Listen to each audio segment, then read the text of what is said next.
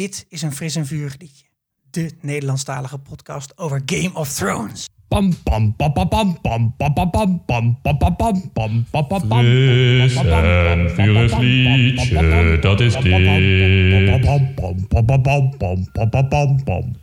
Fris en vurig liedje.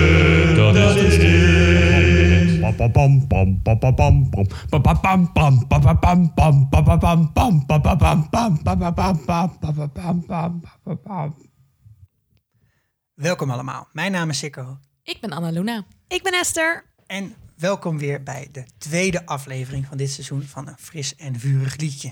Yay! Een aflevering. Een aflevering met veel gesprekken. Om Voordat we daar te zeggen. induiken, even snel voor mensen die voor het eerst luisteren. Wat zijn wij? Wat doen wij? Wij zijn Fris en Vurig Liedje. We maken een podcast over Game of Thrones. En dat is een podcast waarin we niet spoileren.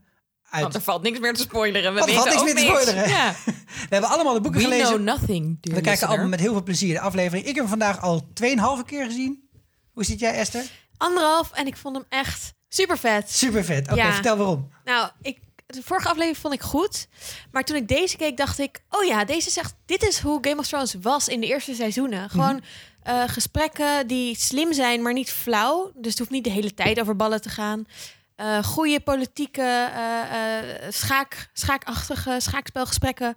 Ehm, ja, ik vond er echt een aantal dingen in zitten waarvan ik dacht... Oh ja, dit is zo fijn aan Game of Thrones. En ja, ik, was, ik werd er heel blij van. Annalena? Ik had precies hetzelfde. Ik heb eh 2,5 keer gekeken ook al. En eh, ik vond Amazeballs. Amazeballs. Ik vond echt even, ik vond het gewoon heel veel vetter dan eh, de Coachella show van Beyoncé. Ho, ho, ho. Ja, ho, ik, ho, ja, ho, ik dacht al, ik maak hier een heel Let's erg, not go there. ik heb oké. gisteravond toevallig ook Homecoming punt. eventjes gekeken. Eh, dat vond ik wel vrij vet. Het was echt episch, jongens. Ik bedoel, I love Game of Thrones, maar I love Beyoncé. Kom op. Ik vond laten wel we- laten even- Maar dat wil zeggen hoe vet ik deze aflevering Nee, vond. oké, dat is Mag waar. dat? Ja, nee, dat is waar. Oké. Slay. Slay it. Slay. Ik vond hem aardig, maar ik had wel bij een heleboel gesprekken, zo na de, de aflevering doorliep, dacht ik wel, ja, ik vind het heel leuk hoor dat deze mensen weer even met elkaar aan het praten zijn, maar ik haal niet heel veel nieuwe informatie op.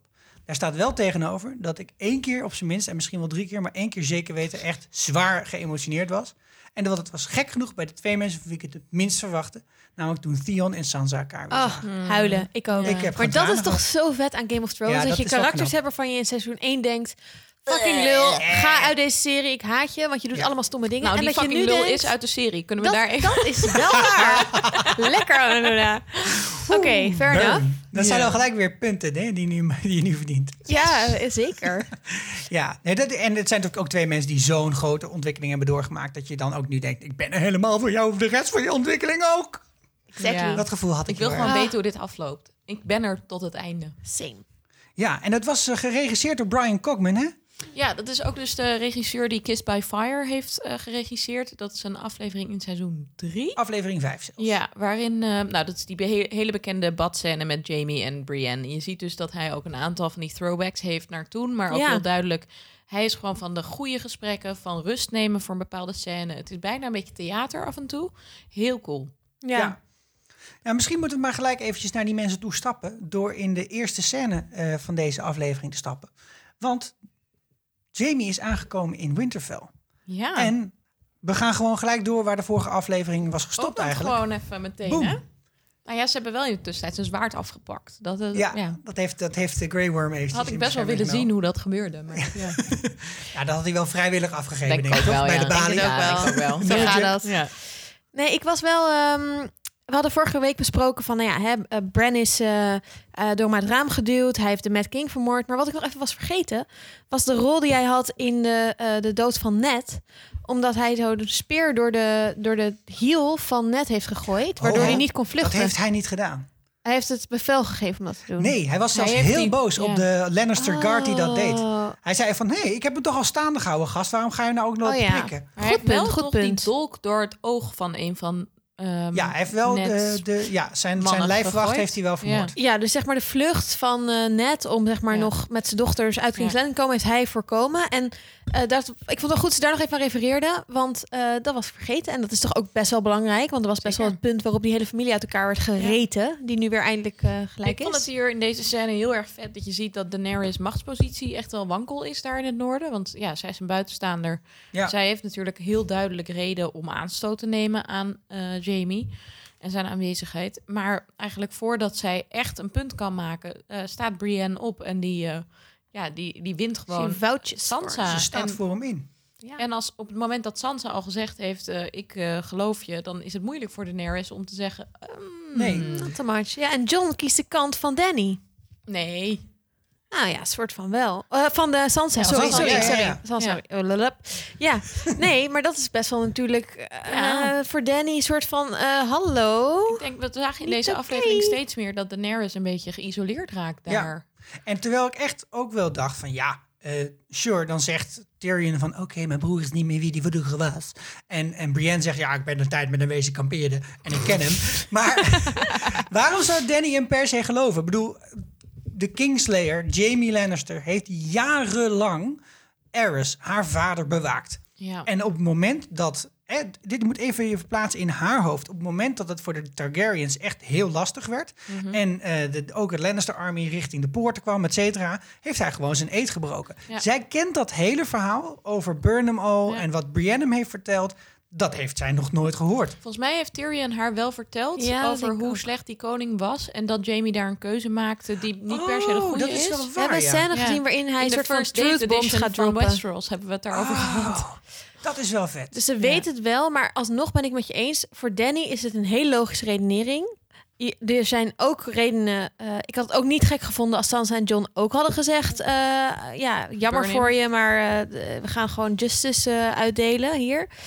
Aan de andere kant, ik vind het argument: we hebben elke goede vechter nodig die er is. Mhm. Vind ik op zich ook wel een punt. Eh, We leven nog in een tijd dat we deze oude normen en waarden moeten toepassen, want we hebben gewoon een fucking grote vijand.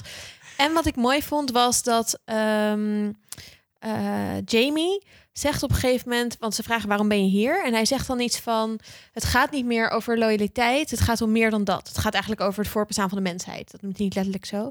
En dat spiegelt heel mooi een scène uit het vorige seizoen, waarin Brienne tegen hem zegt in King's Landing: Jamie, het gaat niet meer om familiebanden. Dit is veel groter dan dat. Het gaat om onze toekomst. Het gaat om zeg maar eh, grotere machten over het over overleven van mensen. En dat is wel cool. Hij kijkt dan ook naar haar. Dus dat je zo ziet dat hij eigenlijk die woorden van haar toch wel tot zich heeft genomen. Mm, omdat-. Ook al was het op dat moment niet zo. Ja. En dat hij die nu herhaalt voor haar neus. Wat misschien ook wel maakt dat zij voor uiteindelijk opstaat en zegt: Yo, oké, je hebt gelijk. We moeten de- Jamie moet blijven leven. Ja. Hij is best wel toch Ja. eervol. Ja. Ik had wel trouwens het gevoel, van jij zegt, ik snap wel wat John zegt, maar ik had echt het gevoel dat John er niet helemaal bij was. Nee, die was een Die beetje zit nog steeds met die incest in zijn hoofd. Die van, Ja. oh, nou, hoe gaan we dit oplossen? Nou, dat, dat incest is nog helemaal niet langsgekomen, hè? Niemand nee. heeft nog gezegd, nee, Nee. dat is eigenlijk wel gek. Het gaat Niemand vooral om wie mag er op de troon. Ja. Ehm, Ja. Wat ik eh, heel vet vond, en dat eh, zien we ook later in de aflevering, dat ehm, de spanning van wat is nou eervol en wat is nou goed om te doen. Dus eervol is om je eet niet te breken. Eh, Jamie heeft door het doden van de night van eh, King Aerys heeft hij een heleboel mensen ehm, het leven bespaard. Tywin Lannister stelde ooit die vraag bij de Red Wedding van waarom is het zo dishonorable om mensen te doden bij hun bruiloft? Dat is omdat je het oorlogsrecht schendt. En dat bestaat natuurlijk zodat je mensen kan ja, proberen te laten onderhandelen in plaats van vechten. Wat heel Ja, goed is dat het bestaat. Maar ehm, ja, als er dan vervolgens duizenden mensen op het slagveld stranden, is dat dan beter? En die vraag, die kreeg ik later ook bij de strategiebespreking. Want sorry, nu gaan Daenerys en John die draken niet het veld insturen, maar Bran laten beschermen. Denk ik, is dat, sorry, maar is, is hij zo belangrijk? Ja, ja, hij is wel een soort van de main server van heel Westeros. hè. Ja, maar al die andere mensen bestaan nog. En de Citadel is er ook. Dus Ja. gaat er echt iets voor. Ik vond het heel intrigerend. Dus ik vind dit wel ook echt. Daarom vond ik het zo'n vette aflevering. Omdat dit soort grote vragen Ja, altijd blijven spelen. Ja, en dan nog even de truth bomb van Bran. ja. Hij The zegt... things we eh, do for love. Oh, ik vond het ook vet. Ik, vond vond goed ingezet. Ja, en ik vond het toch wel een van de betere zinnen uit de hele serie. Ik weet niet, ik zeg hem ook best wel vaak nog als een soort grapje ergens bij. The things we do for love. Oké. Als je, als je weer een heel grap met, nooit meer met in wijnflessen weg staat te gooien bij de glasbak. Ja, dat soort zeg dingen. je dat. Ja, Dat dat, soort Nooit meer in de buurt staan van een raam als ik in jouw buurt ben. Ja, dus ik vond het mooi. En nou, ik snap wel dat Jamie dan nog even wil vragen aan Bran... waarom zei je er niks over? En ik vond het vet dat... eh want Jamie zegt sorry. Mhm. En dit is het enige waar hij sorry over zegt. Want in die, tijdens het hele trial... overigens zijn alle Lannister-kindjes nu een keer bij een trial geweest. Maar goed, Cool. tijdens het hele tri- Ah. trial zegt hij... ja, ik zou het zo weer doen. Alle dingen Ja. die ik heb gedaan, zou ik zo weer doen. Niet echt super tactisch om te zeggen. Ehm, maar Nou, tegen... ik, vond het wel een, eh, ik vond het wel een goede eh, strategie. Ja, hij Hij stond, zei van, stond ik, als we hierbij zijn met het hele idee om dan te zeggen van, wat vond je dat dan heel erg en dat dan minder erg of zo, dan ga, ga ik niet, niet doen. We zijn allemaal kut, jullie zijn kut, ik ben kut, jij zet mensen de fik. Even nou, Ja, maar things are bigger than that. ja, laten we Ja. even zitten, maar laten Maar we ook elkaar eventjes recht in de ogen aankijken. Hè. We zijn allemaal gewoon niet echt lievertjes, dus Nee, fair enough. Maar tegen Brand zegt hij sorry. En dat is wel, vind ik, voor zijn karakter... die dus blijkbaar op zich staat bij alles wat hij heeft gedaan. Maar dat hij wel echt spijt heeft. En je ziet ook telkens zijn hoofd als hij naar Brand kijkt... dat hij daar toch wel mee worstelt. ja. Nou, vind ik interessant. Het was Ja. vet dat je zo ziet, eh, in liefde en oorlog is dus alles geoorloofd. Dat zegt hij eigenlijk twee keer. Een beetje, of dat hoor je. ja. Wat ik een beetje frustrerend vond, ik vond het ook heel vet hoor, dat Bran zo eindigt met... ehm, waarom weet je dat er een afterwards is? Als Ja. Jamie vraagt, wat gebeurt er dan Eh, daarna? we zijn nu in, de- in de Godswood, hè? En dat is, ja, want jij, Sikko, hebt voorspeld dat Brienne Jamie moet gaan ehm, onthoofden. En Ja. terecht moet stellen, wat ik een hele vette voorspelling vind. En ik denk ook dat het nog steeds eventueel zou kunnen dat er toch later een punt van wordt gemaakt. en dat Bran ik had er niet, zo, weet... niet zoveel fiducie meer in. Nou, het zou best kunnen dat Bran weet hoe Jamie aan zijn einde komt. En dat hij dus eigenlijk zegt hiermee van... hoezo afterwards, deze battle, dat is het voor jou. Oh, voor hem. Maar het is voor mijn hem. frustratie is dat niemand op dat moment... op gewoon een enkel moment aan Bran doorvraagt Ja, maar van... Goh, volgens wat mij, weten ja, maar volgens mij is de, goed dat je het noemt. Want ik, ik, volgens mij kan Bran niet in de toekomst kijken. Bran kan in het verleden kijken. Bran is geen Greenseer. Jojen was degene die met hem die van die dromen had, die voorspellende Ja. dromen had. En die kon ook eh profetieën voorspellen en weet ik wat. eh, hoe je dat wil noemen. Profetieën. Holy shit, hè. Profeties. Ja. Ehm, maar volgens mij kan Bran door alle gedachten en ideeën en dingen die zijn gebeurd heen. En misschien kan hij ook wel in, een, in de plannen van mensen kijken. Dus de, wat Mhm. mensen denken. Maar volgens mij kan hij niet de toekomst zien. Hij is een memory. Maar hij heeft wel een paar keer een soort visioen gehad, toch? Omdat Hij hij, heeft visioenen heeft van de toekomst gehad. Ja, maar daar had dat hij niet om gevraagd. hè? over Nee, en die heeft King's hij in- vloog. Maar dan heeft hij in dat Weirwood eh, netwerk gehad. Ja. Ja. Maar niet terwijl hij daar gewoon zat. En Nee, Maar je bedoelt, dat heeft hij gehad toen hij onder de grond zat? Bij toen hij onder de grond zat, toen hij allemaal drankje, gekke drankjes Nou, ho, kreeg ho, en weet ik veel wat. Ook toen hij, eh, toen hij uit de grot was en met Ja. Mira en Benjen bij de ook, boom ja. lag waar, eh, waar John zijn vouw heeft gegeven. Toen heeft hij ook ingetapt. Toen zag hij ook weer Oké, allemaal dus van dan misschien kan het alleen als hij in de boom tapt. Ja, maar, op dat, zeg maar dus mijn theorie was eerst van... misschien is het dat de, de Three-Eyed Raven hem probeert te vertellen... van dit zijn jouw visioenen, hier moet je het mee doen. Ik heb ze eventjes geselecteerd, dit is je playlist.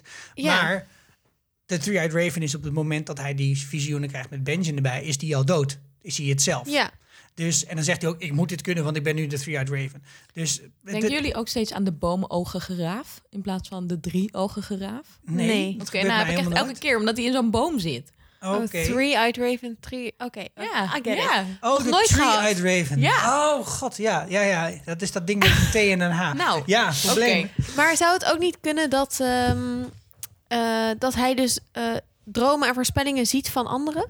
Dus dat, Ja. dat het niet zijn voor, zeg maar, hij zag ook dingen die, die bijvoorbeeld Hij kan eh, in Danny ieder- al een keer gezien had. Hij kan in als, ieder geval- als profetie. Hij kan in ieder geval dingen zien die, waar hij zelf niet bij was. Ja. Maar dan is het de vraag of er andere mensen zijn die in het netwerk van bomen die visies hebben. Zeg maar, is Maar misschien een soort kijk, hele grote hij Instagram lijkt waar toch mensen op dingen een kunnen bepaalde manier te suggereren dat hij weet dat Jamie een bepaalde rol te spelen heeft. Ja. En dat duidt er toch op dat hij in elk geval een soort van idee heeft op wat er gebeurt in de toekomst. Ja, en fair enough, dat is niet het belachelijk dat ze niet een keer vragen... hey Bran, wat gaat er eigenlijk gebeuren? Nou, precies. Dat is En best of, wel logisch. Of in elk geval, va- vraag even door naar die strategie. Van oké, hij heeft dus niet... eh, wat, wat vroegen ze ook weer? Met draken om hem te Kan de doden? drakenvuur hem doden? Weten we niet. Nou, dat is nog niet, gewo- heeft niemand geprobeerd. Ja, vraag Wat even weet je nog meer, Wat is er wel geprobeerd? Zeg het even. Nee, maar wat ze gebruikte de, niet? de brand 9000 wel op een hele goede manier. Namelijk, ze stelde gewoon een hele concrete vraag. En hij gaf een heel concreet Stel er antwoord. meer. Maar wat ik ook interessant vond, nog even in de scène in de troonzaal... is dat Jamie krijgt zijn zwaard weer terug aangereikt. Ja. Widow's Will. En daarmee zijn dus, eh, is het soort van de, de, de, de, de Lannister soorts uniteit op de, op de wall in Winterfell. Want Ice is weer in zijn geheel terug op Winterfell. Oh. Yes! Dat is toch hartstikke mooi. Dat is waar, Maar ja. misschien is dat ook wel heel belangrijk dat het zo is. Nee, dus het zwaard van eh, Ned Stark, dat is gesmolten door de Lannisters en in twee zwaarden is gemaakt. Brienne heeft de ene, Jamie heeft de ander. En ze gaan naast elkaar vechten in de Battle of Winterfell om Winterfell te, verde- te verdedigen. Ik Ja. vind het echt super mooi. Dat hele hoge stukje wat zo'n beetje hard is. Ja. Ja. Eerste, eerste scène, net- oh nee, tweede scène, eerste aflevering zien we Ice die voor Winterfell daar. Sowieso wel een cirkeltje rond, toch? Dat dan Jamie daarna aanbiedt om te gaan vechten onder Ja. het commando van Brienne. Dat was echt mijn ontroeringsmoment, deze aflevering. Ja, dat vond ik heel erg mooi. Echt geweldig. Een andere reunie die nog even moet plaatsvinden is dat de broertjes weer bij elkaar komen. Ja, En dat doen ze op de binnenplaats terwijl iemand voor hun een prachtig slijmtapijt uitlegt. Daar was ik wel blij mee. En de small folk rejoices. Of Zo zegt hij dan toch? Ja, dan kun, bedoel, die, die, die, die Starks en zo, die kunnen het bloed van die Ja, fucking eh, eh, ja. Jamie Lannister wel drinken. En eh, er wordt iets gesproken over draken. Ja. Ja, Tyrion die, die zegt iets als... eh, ja, vind je het gek? Eh, ze hebben ook niet echt reden om, om Khaleesi aardig te vinden. Want weet je, denk maar terug aan de laatste keer dat er draken waren in het noorden. Nou, dat heb ik even gedaan.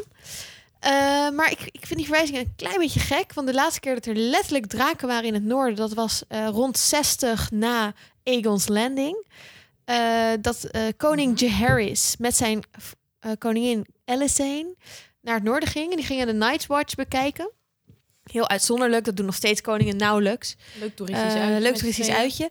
En eh Alicent, die, is, die was heel nieuwsgierig en die wilde heel graag voorbij de wall kijken. Maar haar draak weigerde drie keer om de muur over te vliegen. Niet Oh my keer, God. Niet twee keer, maar drie keer. Dat is natuurlijk Goeie al een magisch verhaal.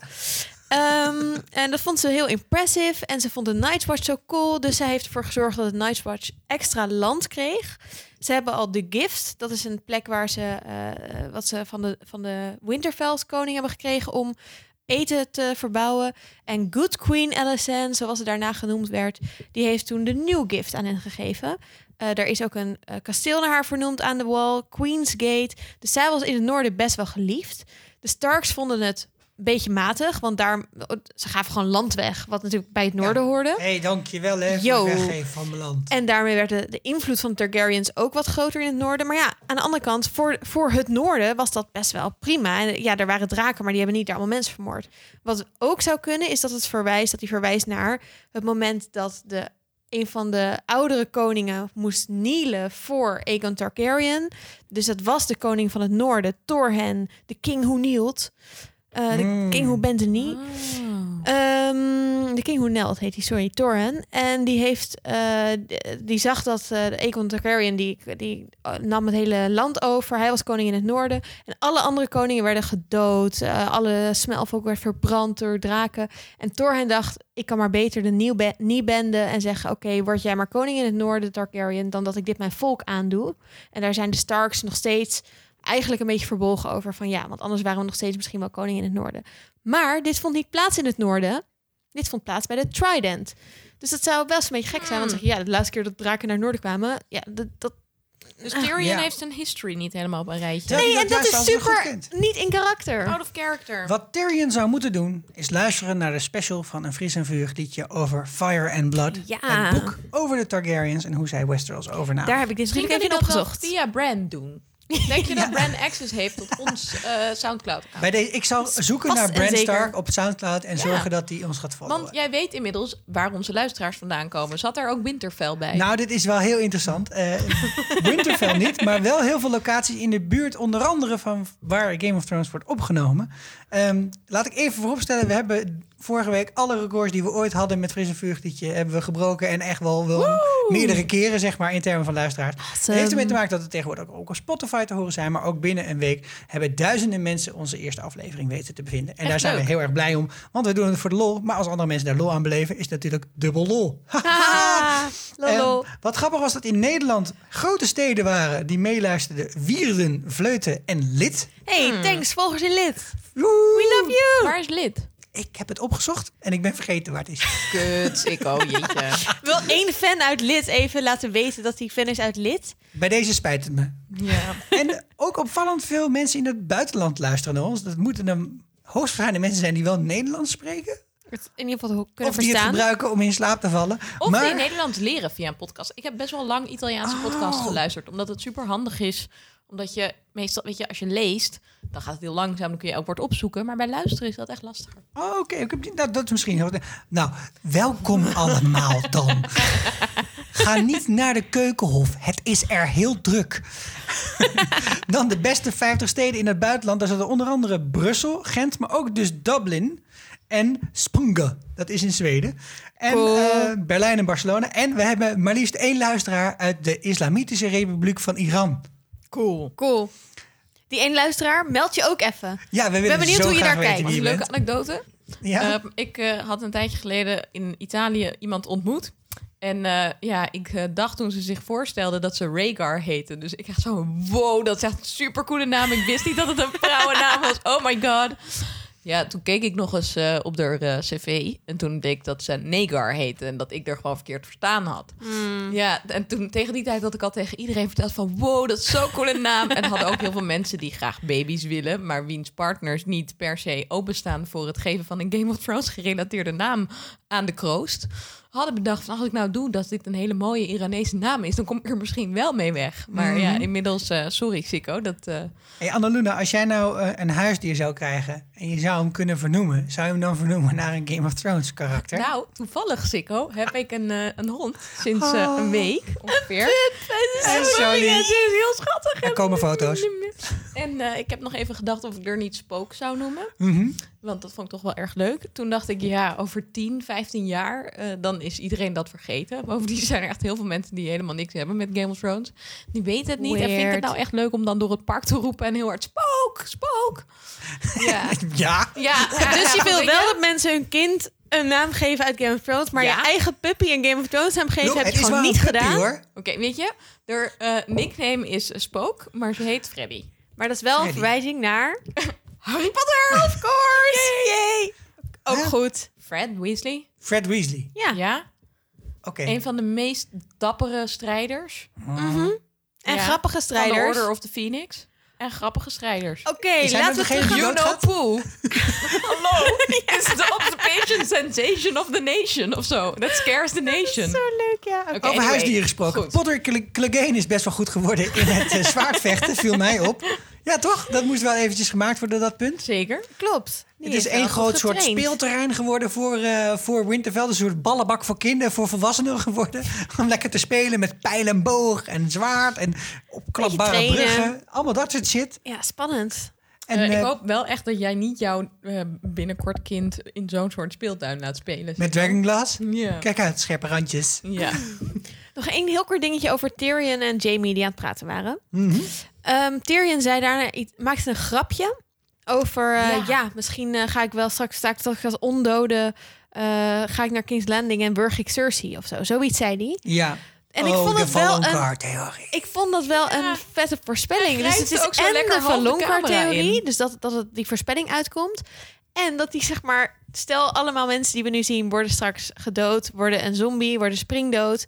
En gaan dan met elkaar Cersei allemaal ja uit elkaar fucking vet. Oh, Oké, wilde vond ik nog wel heel veel noemen. Het zou vet zijn. Ehm, ja, en verder, ja, Podrick is gewoon een toppertje. En Jamie is verliefd op Brienne. Ja, zou kunnen. Eh, ik heb een interviewtje gezien zo? met eh Dan, Danny van Weiss. Benny Ja. van. Benioff en Benny Weiss. Weiss. Ehm, en die hebben het steeds over dat Brienne gevoelens heeft voor Jamie, maar die zelf niet herkent, omdat ze dat in haar leven nog nooit heeft meegemaakt of daar nog nooit ruimte voor heeft gemaakt. Dus dit is wat zij bedoelen met deze scènes. Ja. Ik, heb, ik haal dat er ook niet uit. Ik bedoel, En, en ieder- Jamie's gevoelens, heeft hij ook gevoelens? Hebben Daar mannen hebben ze het niet gevoelens, over. Esther? Ja. Hebben, oké, Ja, Sicko. laten we het het Esther vragen. Esther, hebben mannen gevoelens? Ik wil dit wel even Nou, woman ik wil wel- explainen. Ja, precies. Nee, neem Vertel even de tijd. even wat Sicko's Ik ga gevoelens even zijn. Oké, eh, over gevoelens van vrouwen en mannen gesproken. Het lijkt erop dat, eh, dat zeg maar, dit was wel een benen druppel die de emmer deed overlopen voor Danny wat betreft Tyrion. Want nu krijgen ze ook te horen dat het hele leger van eh, Cersei dus niet komt. Dus is er is de optie of je hebt gelogen of ik ben gewoon dom. En die Ja. beide zijn niet zulke hele goede assets voor een Hand of the Queen. Vind ik een terechte opmerking. Zeker. En hij zegt ook tegen Jamie, eh, zegt hij ook van ja, ik heb gewoon best wel wat verkeerde inschattingen gemaakt. Omdat ik zo slim ben dat ik anderen onderschat. Vond ik wel, dat vond ik wel Ja, mooi inzicht. hij overschat eigenlijk zijn eigen slimheid, denk ik eerder. Ja. Eh, en wat ik ook wel, ik, ik dacht meteen, hey, betekent dit dat die ene scène die we, die we niet hebben gezien, die zeg maar offscreen was, dus dat Tyrion en Cersei nog een gesprek met elkaar hebben gehad wat wij niet hebben gezien, betekent dat dat die niet boeiend was? Want Nog ik dacht steeds, een van die gesprekken die niet ja, afgemaakt dat was zijn wel een het scherm. thema in deze aflevering. Fucking meest luie manier van films maken. Maar ik denk dus de hele tijd, Tyrion heeft vast nog een plan, die heeft Cersei iets verteld, of die hebben Ja. stiekem een deal gemaakt. En nu is het gewoon, oh ja, dat was gewoon een beetje dom. Ja, vind ik ook teleurstellend. Wat ik wel best wel chill vond, was dat ze dus wel allebei, of in elk geval dat Jamie ook echt gelooft dat Cersei zwanger is.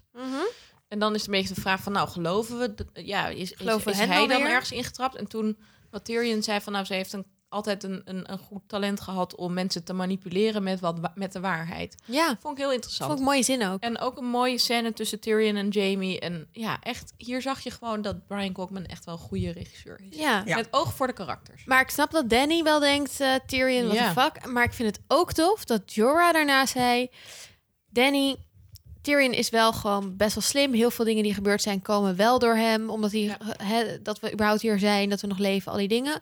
Ja. Dus misschien moet je hem toch gewoon wel vertrouwen. ja, Eh, maar hij was ook wel, hij zei ook wel hij een beetje jaloers was op eh, Tyrion. ja. Ja. Nou, en Tyrion gaf een beetje aan, aan, aan, aan zeg maar Lord Friendzone en Mr. fucking useless Varys. Gaf hij aan van, nou ja, binnenkort mag een van jullie deze speld hebben. Terwijl ik denk, nou, volgens mij heeft helemaal niemand op dit moment echt een goed idee. hey, ik dacht... Die adviseert dat, haar nou eh, op een goede manier. Nou, ik dacht dat eh, Danny daarna wel naar Sansa ging. Mm. Om mijn voorspelling waar te gaan maken. Sansa hand te gaan maken. Oh. Ja. En dat ze dan met z'n tweeën gewoon fucking Kingdom gaan rulen. Even hierover, want we kregen een luisteraarsvraag. Wat was het tweede wat Jorah eh, verzocht dat eh Daenerys kon doen? Dus het eerste Ja. was Oh, ja. Tyrion dat, in, in, stand, in zijn functie houden. Volgens mij was het tweede gewoon met Sansa overleggen. En ehm, ik denk dat dat heel logisch is, omdat Jorah uit het noorden komt. Dus weet hoe de Noorderlingen werken. Dus dat ze in hem een hele goede adviseur ook heeft... die een soort brug Ja. kan slaan. Slim. Ja, nou kijk, we zien hem daarna nog drie keer in de aflevering of zo. Eén keer is hij aan het praten met Liana. Dus hij zou iets kunnen hebben gevraagd van... kun je mijn nichtje Liana eh, uit het veld houden? Dat lijkt trouwens een beetje gelukt te zijn als je naar de kaart kijkt. Want de Ja. Mormons zijn wel binnen de muren van Winterfell neergezet, dat beertje. Hij zou kunnen hebben gevraagd of eh, hij in de Vanguard mag of zo. Weet je wel? Maar hij ging kunnen advies hebben geven. Hij ging toch niet iets voor zichzelf vragen? Jorah of, of Daenerys met John kon gaan trouwen. Omdat dat natuurlijk de vorige aflevering besproken is kort. Maar, het lijkt daar- me ook Maar sterk daar was Jorah niet bij. Nee, maar guys, Dat is besproken met Davos, dat met waar. Varys en met Ja. Tyrion. ik Nee, denk dus echt niet dat dit... Ik denk gewoon gewoon dat Sansa. het Sansa is. Ja. Ja, Dat, dat, hij, ja. ze, dat hij de, zijn advies was. Ja. En misschien heeft hij daar inderdaad eh, ook op geadviseerd met zijn kennis van het noorden. En eh, ik, ik denk dat hij iets heeft gezegd als... heb het over de, jullie gezamenlijke struggles als vrouw. Ik denk dat Jorah niet zoiets adviseert, maar dat hij meer zoiets zegt als Noorderlingen zijn trots en je komt hier en ik denk dat je iets meer een uitgestoken hand moet bieden voordat ze met je meegaan. ja. Dat zou kunnen. Maar, Maar ik vond het, het, goed advies. Ik dacht, ja. hey, Jorah is echt een soort Ferris geworden. Maar dan is hij echt over zijn slimme eigen schaduw heen gesprongen twee keer. Hè? Zeker. Ja, dat Want dan denk ik zegt ook. hij in van ik ben, niet je, ik ben niet je hand, wat ik graag dan had willen zijn als ik je niet mocht neuken. Maar nu mag je aan Sansa gaan vertellen dat je van John houdt. Dat is, Nou ja, wel echt, dat is voor denk- Jorah wel twee keer over zichzelf heen springen, toch? Ja, maar hij, hij is... Ja. Weet Jorah al dat zij van John houdt? Want Tyrion weet dat en hij ze zijn kent haar verder. toch door en door. Hij kent haar Hij kijkt door haar heen. Maar dat is het, denk ik, eerlijk gezegd. Als een- dus als een ik denk niet per se dat het was... ga vertellen dat je van John houdt. Steek gewoon de hand uit naar Ja. degene die hier de leider is. En neem Ja. haar serieus als Lady of Winterfell. En wat een scène was dat. Echt mijn Wauw. lievelingsscène. Ja. Echt geweldig. Ik vond dat echt zo top. Gewoon Ja. twee vrouwen die allebei op super strategisch niveau. Ja. En dan zo'n soort van aardig tegen elkaar, maar met zo'n lager onder van... Ja. Ik weet wat je aan het doen bent. Powerplay. Was echt cool. Ik vond het heel tof. We hebben natuurlijk gezien van Arya dat hij allerlei verschillende manieren van fysiek vechten heeft geabsorbeerd van haar verschillende leraren. En Sansa heeft precies hetzelfde, maar dan van politiek vechten. Dus je ziet op een gegeven moment, je ziet eerst is ze best wel ijzig, een beetje frosty. En dan ineens doet ze die, als ze dan eh, verteld heeft wie is er nou degene die gemanipuleerd wordt hier, zegt Daenerys. En zegt Sansa, die draait 180 graden en die is ineens Marjorie. En dan, als ze gezegd heeft, ja maar wacht, wat gebeurt er dan daarna? What about the North? En dan is ze gewoon ineens Cersei. Ja, ik vind het Zo vet. Zij heeft inderdaad van al die vrouwen die, die soort van in, in machtsposities hebben gezeten, waar zij natuurlijk mee eh kopjes thee heeft Ja. gedronken, maar ook bij in de raadzaal gezeten, et cetera. Heeft Ja. ze gewoon allemaal dingen overgenomen. Ja, of misschien Echt Olenna cool. en niet Cersei trouwens. Want Cersei zou denk ik niet vragen, maar gewoon opeisen. Goeie. Dus zou je kunnen zeggen dat Arya misschien wel goed is geworden om andermans gezicht te dragen, maar Sansa goed is geworden om iemand anders te spelen? Nou, dat zou je zomaar kunnen dat zeggen. zou je kunnen zeggen, wauw. Ja, maar ze is wat er een echt. Nee, maar ze is er echt fucking goed in geworden. Ja, ben ik heel erg goed in geworden. En nu snap ik wat beter de uitleg van Arya. Eh, eh, Sansa is the smartest person I know, bla bla bla. Hier was ze echt gewoon ehm, slimmer dan Nailing Khaleesi. It. Zeker. Nailing it. Ja. En ik zie haar ook echt als... Ik zou heel graag nog een soort van Cersei, Sansa op hetzelfde niveau Ja. gesprek of gevecht of whatever willen zien. Want dat Zeker. echt super vet. Wat ik hier nog... eh, We kregen ook een luisteraarsvraag van... Lag het feminisme in deze scène er niet te veel bovenop? Volgens mij kwam de vraag van Mark uit onze WhatsApp-groep. Ja, in onze appgroep ging het hier even over. Ja, en ik vond daar... ehm, ik vond eigenlijk dat Daenerys probeerde om een soort feministisch punt te maken van... hey, Sansa, jij weet toch ook hoe dat is als jonge vrouwelijke leider? En wij kunnen hierover bonden. En dat Sansa dacht, ja, kun hier best over bonden... maar je moet wel ook wel wat komen bieden. Je komt niet gewoon in jouw cheape feminisme trappen. Ja. Zeg maar dat consumentenfeminisme, wat zo populair Ja. is tegenwoordig. Sansa dacht gewoon, nou, ah, ik wil gewoon alleen maar echt feminisme, Je bitch. zit hier in een hartstikke duur hotel. We hebben een heel kampement voor je Hoezo zit jij heel feministisch te doen terwijl jouw mantel in elkaar gezet is door kindslaafjes? dat Hey, is dat- niet Dat intersectioneel. weet je niet zeker. Dat weet je Weten we niet. helemaal niet zeker. Maar Misschien echt zo- van deze aard was het wel een beetje, vond Ja. ik. Zo van, je, je kan echt proberen op een oppervlakkige manier mijn eh, vertrouwen te winnen.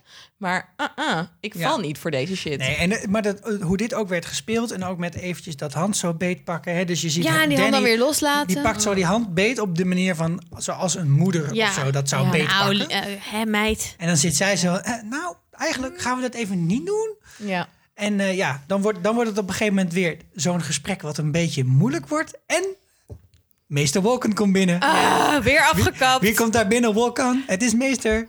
Ja. Jij vond dat irritant, al die afgekapte Ja, dat gesprekken. vond ik vind echt. het ook wel. Ik vind het jammer dat een gesprek niet wordt afgemaakt. Want je vermijdt die ongemakkelijke situatie waar ik echt van geniet op tv. Ik bedoel, meer ongemak, meer beter. Maar ik vond wel, je hebt- ziet het hier en je ziet het bij John gebeuren. Ja, Ik vind wel, ehm, het verhoogt de inzet voor het gevecht. Om niet even in Engels te vervallen. ja het maakt het onduidelijker inderdaad. Het maakt het onduidelijker, want je ziet, Daenerys komt steeds meer alleen te staan. Ze weet niet of ze Sansa kan vertrouwen, ze weet niet of ze John kan vertrouwen. Ze kan halverwege die slag, op het moment dat die misschien verloren gaat worden, kan ze gewoon besluiten om met haar fucking draken weg te gaan vliegen. Maar dat, maar dat, Ja. is, dat ze een Theon pleegt, zoals in die strijd op het water. Precies, YOLO. yo later, dat wordt het niet Ja. meer. Nee, maar dan vind ik ook dan dat je dat moet doen. Ja, dat is waar. En dat ik heb ik nu helemaal een paar keer gehad dat ik dacht, nee, je zet nu iets Ja. helemaal klaar om te serveren en dan doe je Ja. het niet. Ja, maar dat gaan we zien volgende we gaan aflevering. volgende aflevering misschien zien dat ze er vandoor gaan. Misschien gaan we zien dat, in, dat het spannend is hoe het gaat aflopen de afleveringen daarna. En dat vind ik wel goed opgezet. Dat je dus ook meteen een soort van... wat gebeurt er na die slag? Die Ja. wordt vet. Ben ik heel benieuwd naar. Kom maar met je Helms Deep verwijzingen. Vind ik leuk om een keer naar te kijken. Oh, zaten die erin Maar ik dan? Maar ik ben vooral heel benieuwd wat er dan daarna gebeurt. Ja, Ja. eens. Het wordt nog even één ding wat ik interessant vond, dat heb ik even opgeschreven, is dat ze toch wel John's War noemt. Ja. ja, nee, dat vind ik ook interessant. Want Ja. kijk, eh, eh, Jamie zegt, ik ben hier om de mensheid te redden. Eh, Danny heeft nog geen één keer gezegd dat ze hier echt voor eh, het grote plaatje is. Ze is hier gewoon omdat John, een, in ieder geval dat zegt ze nu, dat John een goed verhaal had en ze wil hem helpen.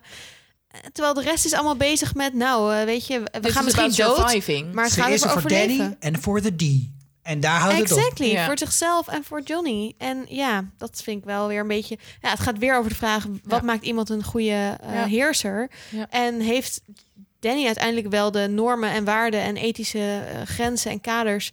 die andere karakters wel hebben? En hebben die dan niet meer, Meer recht, op de troon? Ja. Ja. Nou ja, er is sowieso iemand met Ja. meer recht op de troon. Zo blij. Meerdere, want Henry ook, hè? Maar Ja. goed. Cool was dat, die revelation. Werd nog eventjes. Maar eerst moeten we nog naar Theon.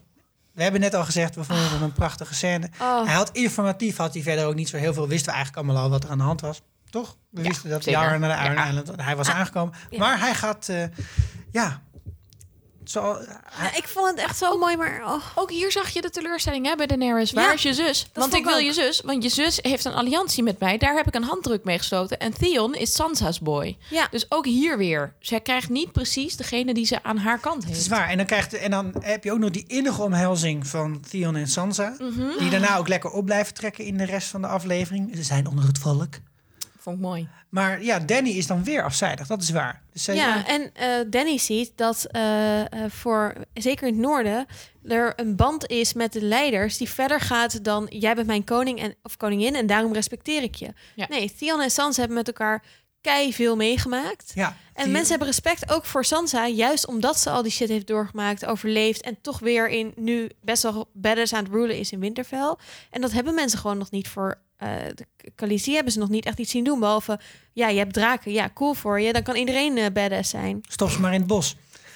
Want dan krijgen we nog wat aankomsten. En nou, die zijn gewoon grappig en vet. Maar eh Tormund en eh Beric Dondarrion en Ed komen terug. Ja, Die hebben een stukje relevante informatie die Bran ook in principe had op kunnen zoeken. Maar Allah, het wordt op deze manier gebracht. Ze zijn er bijna. Ze zijn er bijna.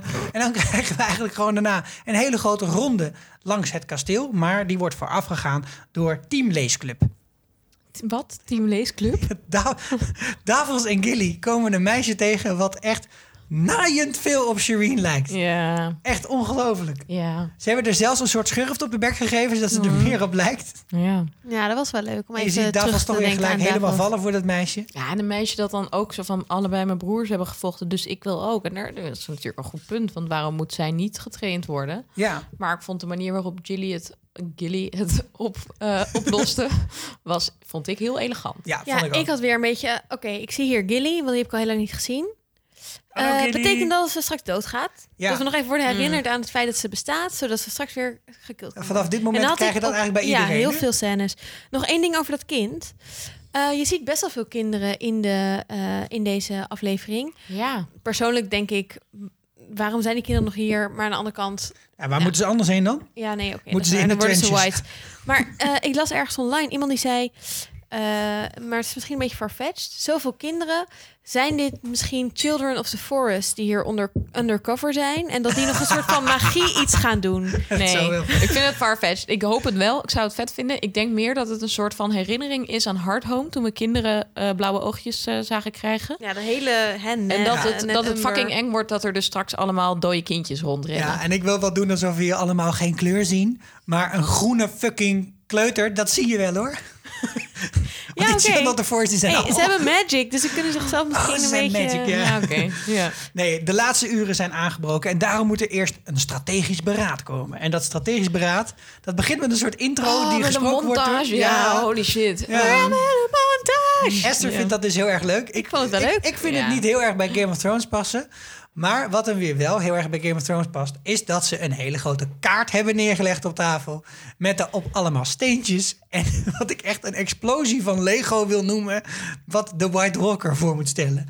Ik weet niet, is iemand dat opgevallen dat bijna de helft van de kaart gewoon Lego Nou, blokjes zijn? realistisch, want Ja. dat is waar- hoe het Dat gaat zijn die zijn. tegeltjes. Ja, maar wat is de informatieve waarde van de kaart? Nou, wij zijn met minder. Ja. gewoon- ja. Ja, dat is toch goed om te weten? Onthoud waar we voor vechten. Maar als, je daar, als je daar staat dan bij die, bij die kamer zo van... Nee, nee, nee. Dit blokje White Walkers moet een beetje naar links. Nee, ik vind het geen Nee, probleem. Nee. Wat ik wel een probleem Want al vond die was... waren hetzelfde, Siggo. Oké. Het was goed dat Bran even uitla- uitlegde wat het motief was van de Night King. Dus hè, hij wil via mij, hij is op zoek naar mij... via mij wil hij alle herinneringen van de mensheid uitroeien... zodat er een eeuwige eh, eh, winternacht komt. Wat ik heel raar vind, is dat Bran zegt... hé, hey, trouwens, jij is op zoek naar mij... Ja, hoe kan hij je dan vinden? Nou, ik heb hier dit Mark en hij is gewoon de hele tijd naar mij aan het zoeken. Waarom is Brandon daar? Dus eigenlijk als jij Ja. gewoon ergens op een ander kasteel was gaan zitten... Ja. waar niet al deze kinderen Ja. zitten... dan hadden we de Night King dus Fly daarheen gelokt. Oh, thanks voor deze superbelangrijke En vertel informatie... dan die je echt meer. 10 minuten voor de battle gaat geven. Ja. What the fuck? Ja. Vond ik echt weird. Ja. ja. Sorry, maar het is toch Ik raar. had hetzelfde. En ja, überhaupt, waarom ben je zo relevant? Want hij zegt dan wel, ik ben de memory of this world. En hij wil deze wereld weg hebben. En er kwam een luisteraarsvraag. Namelijk of ik eh, dit keer weer een obscure Latijnse term in de, app, podcast eh. wilde gooien. eh, die mensen moesten opzoeken. Toen ik dit keek, dacht ik aan mijn proefschrift. Dat heb ik wel vaker. Dat heet beroepsdeformatie. Ehm, maar toen dacht ik, ja, damnatio memoriae. Dat was vroeger een hele erge straf voor politieke verraders. Dan werd dus alle herinnering aan jou werd, ja, weggewist. Dus alle standbeelden van jou werden vernietigd. Je naam werd uitgebeiteld. Mhm. Ja, het uitwissen van herinnering aan mensen. Want dat ja, vervaagt dat jij ooit bestaan hebt. Dat is de Ja, ergste straf die heel er is. erg. Ja, en dat wordt dan gelijk ook door Sam nog even extra benadrukt. Moet wel even uitgelegd Sam worden. gaat Ja. het even Sam Vond een beetje te veel. Sam Splenen. Wauw, die is nieuw. Ik vind hem leuk. Maar hij is wel... eh, ja, ik bedoel, kijk, het, was, het waren hele mooie woorden. Het was goed uitgelegd en daardoor geloof je het ook wel wat meer. Alleen, wij hebben het heel vaak gehad over de vraag... wat wil de Night King nou eigenlijk? Ja. En ik mag toch hopen dat het hier niet bij blijft. Nee, ik ook. Als het zo van, oh, maar hebben we uitgelegd in de aflevering 2 van seizoen 8? Nee, nee, niet akkoord. Wie Want- is de Night King? denk- Waarom wil hij dit? is dat Geeft de Night. King inderdaad de hele wereld wil vernietigen. En dat Bran een soort inzicht kan krijgen in hoe je de Night King kan vernietigen. Dus als Bran even intapt in die Weirwood Tree... in plaats van gewoon een beetje gaat zitten wachten tot de visioenen naar hem komen... en actief op zoek gaat daarnaar... dan komt hij er misschien wel achter dat je bijvoorbeeld de Weirwood Trees zou moeten verbranden. Ehm, Als een soort van vuuroffer dat gemaakt wordt... ehm, waarmee je de Night King zou kunnen verslaan. Oh. En dat dat de reden is waarom de Night King de Three-Eyed Raven dood wil hebben. Want dat is de enige die dat inzicht heeft. Ja, dat vind ik ook een Ja, logische ja. Dat zou heel cool verklaring. zijn. Maar dan moeten we dat ook wel op een gegeven moment gaan horen. Dus ik was blij Ja. dat we iets hoorden. Maar ik hoop ook wel dat er snel meer komt. Ja, kijk, het zou iets meer uitleggen waarom de Night King door de muur heen moest. Hè, Ja. Want Bran was door de muur heen en eigenlijk gelijk daarna ging hij ook door de muur heen. Het zou nog steeds niet heel goed uitleggen waarom er nou activiteit van White Walkers was voordat Bran überhaupt... Hè, want ook nog voordat Bran überhaupt ooit aan een raam valt, is er White Walker activiteit. Ja. Met tekens en dingen in de grond en weet ik wel wat meer. Dus het zou voor mij het verhaal niet rondbreien. Ik hoop dat dit zeg maar nodig is voor het verhaal van... nou, eh, ze gaan Bran proberen te pakken... en dan zetten we Theon in de Godswood en dat is super, to- super tof. Oké, Ja, prima. Theon is een goner trouwens. Hè? Dat Dat is wel gaan we daarvan ja. uit? Ja, ja, ja, ja. Ja, denk ik ook. En heeft hij eindelijk iemand die hem wel aardig vindt... en dan gaat hij dood. Ja, en de Ja. kijkers. Maar wat ik ook nog wel... ehm, we weten dat Brandon, de beelder, heeft de muur gebouwd, de wall. Daar, dat is een magische muur. Dus hè, we, hebben, we zeiden net, de Night King, die kon daar niet zomaar doorheen. Dat heeft eh, heel lang geduurd. Eh, dat heeft hem heel lang tegengehouden. Is nu wel gebeurd door draken, whatever. Ehm Brandon de Beelder heeft ook de muur van King's Landing... heeft heel King's Landing gebouwd. Zou er ook nog een soort van magie zitten binnen die muren... waardoor King's Landing... eh wow, sorry, ik bedoel Winterfell. Winterfell oh ja, gebouwd, ik, ja, ik sorry. ook denken. Ja. Zou er nog iets magisch zijn wat een extra bescherming geeft... waardoor die Whites niet zo makkelijk door die muren kunnen? nou ja, als je het openingscredit filmpje wil moet geloven... Mhm. dan lijkt het alsof het wel zal lukken. Om erin te gaan, we maar ze gaan er juist we omheen. nee, maar we zagen ook blauwe tegeltjes in de cryptes van Winterfell. Oh ja. Wow. Ja, en weet Ja. je hoe vaker is ik heb gezegd... daar niet naar gekeken omdat eh, ik de uitgelekte versie heb gekeken van Amazon. Sorry, mag ik dat gewoon wel zeggen? In mijn eigen, ja, bedoel, want hoe stom ben je als Amazon Prime Germany? Dat Ja, dat toch- was wel heel dom. Hallo. Er was, de aflevering was dus gelekt en daardoor was hij zondagavond al te downloaden. Ja, fucking chill vond ik het, want toen hoefde ik hem Maar er zat geen intro bij. dag en te kijken. Daar zat dus geen intro bij toen ik keek. Ja. Maar ehm, er is super vaak gezegd, zes keer in deze aflevering, dat de crypts veilig zijn. Ja, ja, Nou, als iets zo vaak wordt gezegd. Ja. een beetje. En we hebben het hier volgens mij in de voorspellingaflevering ook over gehad. Er is dus een theorie, of een best wel eh, grote kans, vind ik, dat eh, de mensen in de cryptes, alle dode Starkjes, dat die door de Night King gaan worden herrezen. Mhm. En dat die dus van binnenuit Winterfell kapot gaan maken. Ja, vind ik super en dat we dus misschien mogelijk een nearly headless net gaan Dat zien. En dat de verwijzing. Stark-kinderen hun eigen white vader moeten gaan doden. Maar dat is niet Traumatisch? zo, want de Nets botten zijn helemaal uitgekookt en uit elkaar gehaald. Dus ik denk dat ze daar weinig meer mee kunnen doen. Ja, dat Ze is zijn er misschien wel. niet Ja, in de serie per se zo. En hij is ook niet nearly headless. Hij was echt Nee, pretty ik, headless. Ja, ik vond het toch Het was leuk. wel leuk. Ja, ik maar ik denk wel, leuk. Rickon als kindje die aanvoerder is van het kinderlegertje van de... Ja. Ja, dat zou best wel kunnen. Oh, Fucking Aan de andere kant Want zouden... hij is niet verbrand. Wat dus zou Dom. kunnen is combina- combinatie misschien met die magie van Winterfell als de magie van de Starks is dat de Stark eh, Whites een soort Benjen Starks worden. Want we hebben al een Stark White gezien, Ja. Benjen. Ja, maar die Benjins dus misschien kon worden ze wel positieve. Ja, eh, De Benjins Whites. maken, dat, is ook, dat heeft hij uitgelegd. Hè? Benjen heeft uitgelegd hoe hij, hij is gemaakt. Door de Namelijk children. door de Children of the Oh Forest. ja. Hmm. En hala, die waren allemaal dood. ja, tenzij ze nu in Winterfell zitten. Tenzij ze nu undercover Nog in even een shout-out naar potentiële eh, White Direwolves. Want we hebben nog een keertje het shot gezien van Lyanna... waar heel duidelijk ook een wolf voor haar voeten zit. vet. Hoe vet als die dan ook Super tot leven. Oh, maar dat zijn natuurlijk helemaal geen echte dode wolven. Weet je, ik vind het toch Nou, heel vet. Ik wil best. gewoon wel dat het gebeurt. Je kan zeggen, ik wil er zitten graag heel veel plotholes in Game of Thrones. Dus ik wil ook dat dit plothole erin Ja. komt. Oké, Doe het gewoon. Ik ben al van White. Ja. En dan eh, Oké. nog, voordat eigenlijk de, de, de bespreking is rond. eh, eh, Tyrion moet in de cryptus gaan zitten. Theon die gaat in de, de Godswood staan. En verder worden een paar dingen afgesproken. En, ver- en iedereen gaat gewoon weg, want iedereen moet even rust nemen. Wat betekent heel veel zuipen. En, eh, ja, en John en Danny nog steeds geen gesprek gevoerd. En Dit deed mij dus echt heel erg denken aan Harry Potter boek 5. Ehm, waar je eh, de hele tijd hebt dat Harry heel graag met Dumbledore wil praten. En dat het dan elke keer dat hij denkt... oh, misschien heb ik nu even twee minuten alleen met hem... dat Dumbledore vet snel weg is. deed me echt elke keer dat je Danny zag kijken van... oh, misschien kan ik nu een onderrondje, een bilaatje doen met John. En dan kan dat weer niet. De man Ja, alleen wilde, wilde Ja. Danny waarschijnlijk seks met John. Dan kan, kan je ook een Ja. bilateraaltje noemen. Een Ja, horizontaal Ja, of verticaal bila. Fair enough. Wie wel een bila hebben, zijn Tyrion en Bran. Ja, En dat vond ik echt, yes, ga praten. Maar Ja. nu denk ik, wat is daar gezegd? Tyrion stelde de vraag: moet iemand je even duwen? Anders? Hele logische vraag. Iedereen loopt gewoon weg. Laat daar lekker zitten. geen, ge- geen, geen gemotoriseerd voertuig. Nou, idee. So weird. Maar ik ben wel heel benieuwd ehm, of Tyrion meer informatie heeft van Bran dan wij hebben. Ja. En later in de aflevering, als ze bij dat vuur zitten, dan zijn ze een beetje met elkaar lachen en aan het drinken gaan we het zoveel over hebben. Maar dan zegt, eh, op een gegeven moment zegt Tyrion, Ja, dat is I waar. think we will live. I think we'll survive. Ja. En dan denk ik, ja, Iedereen hij heeft moet wel lachen. net met Bran gesproken. Misschien Ja. heeft hij toch wel van Bran een soort Ja. van voorspellingje, hintje Dit gehad. frustreert me dus dat ze dan niet doorvragen. Maar daarom doen ze natuurlijk een deel off-camera. Omdat je dan misschien is dat spanning wel besproken. hebt.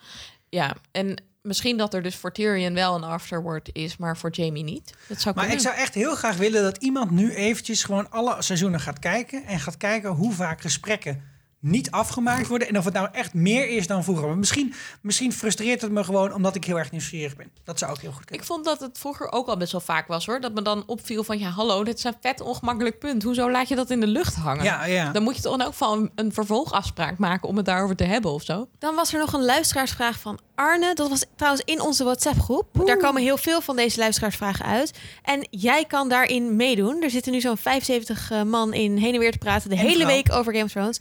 Man en vrouw. En eh, eh, als je mee wil doen, kan je een mailtje sturen naar uh, met je telefoonnummer. Dan voegen we je toe. Maar goed, Arne die vroeg... strategie. Gaat uh, Melisandre misschien nog een, een Gandalfke doen? Nou Arne, Een Gandalfje. een Gandalfke. We hebben de, de, de Gandalf. Dus dat je een soort van drie dagen in het, in het gevecht... komt er opeens iemand met een wit licht aan. Ja, ik kom I'm gonna En save die rent dan een helling af die veel te stijl is voor een paard. Savior! Ja, eh, in onze voorspellingenaflevering hebben we eh, allemaal eh, verschillende theorieën... wie een Gandalfje of een eh, ex-magina... of Ik hoe je ben het nu ook heel kan benieuwd doen. wie de White Savior is. Ja, dat zij dan ook weer een savior hebben. Dat zou wel heel vet zijn. Ja, ja. maar, Maar, maar dat Melisandre daar mogelijk nog in terug gaat komen... misschien met een van een vuurleger. Ik vind het best wel een vette theorie. Dankjewel Esther. Vond ik ook. Ja. nou, dan naar een andere vurige scène. Oh, hierover. Jij voorspelde daarin Howard Reed. Maar I ik, know, Howland Howland. Reed. En, en aan het einde van deze aflevering lijkt het erop dat Daenerys bewijs gaat willen. Ehm, om Ja. te horen dat Oh, Sam ja, en Bran ja. niet de enige zijn die weten dat Lyanna John's moeder is.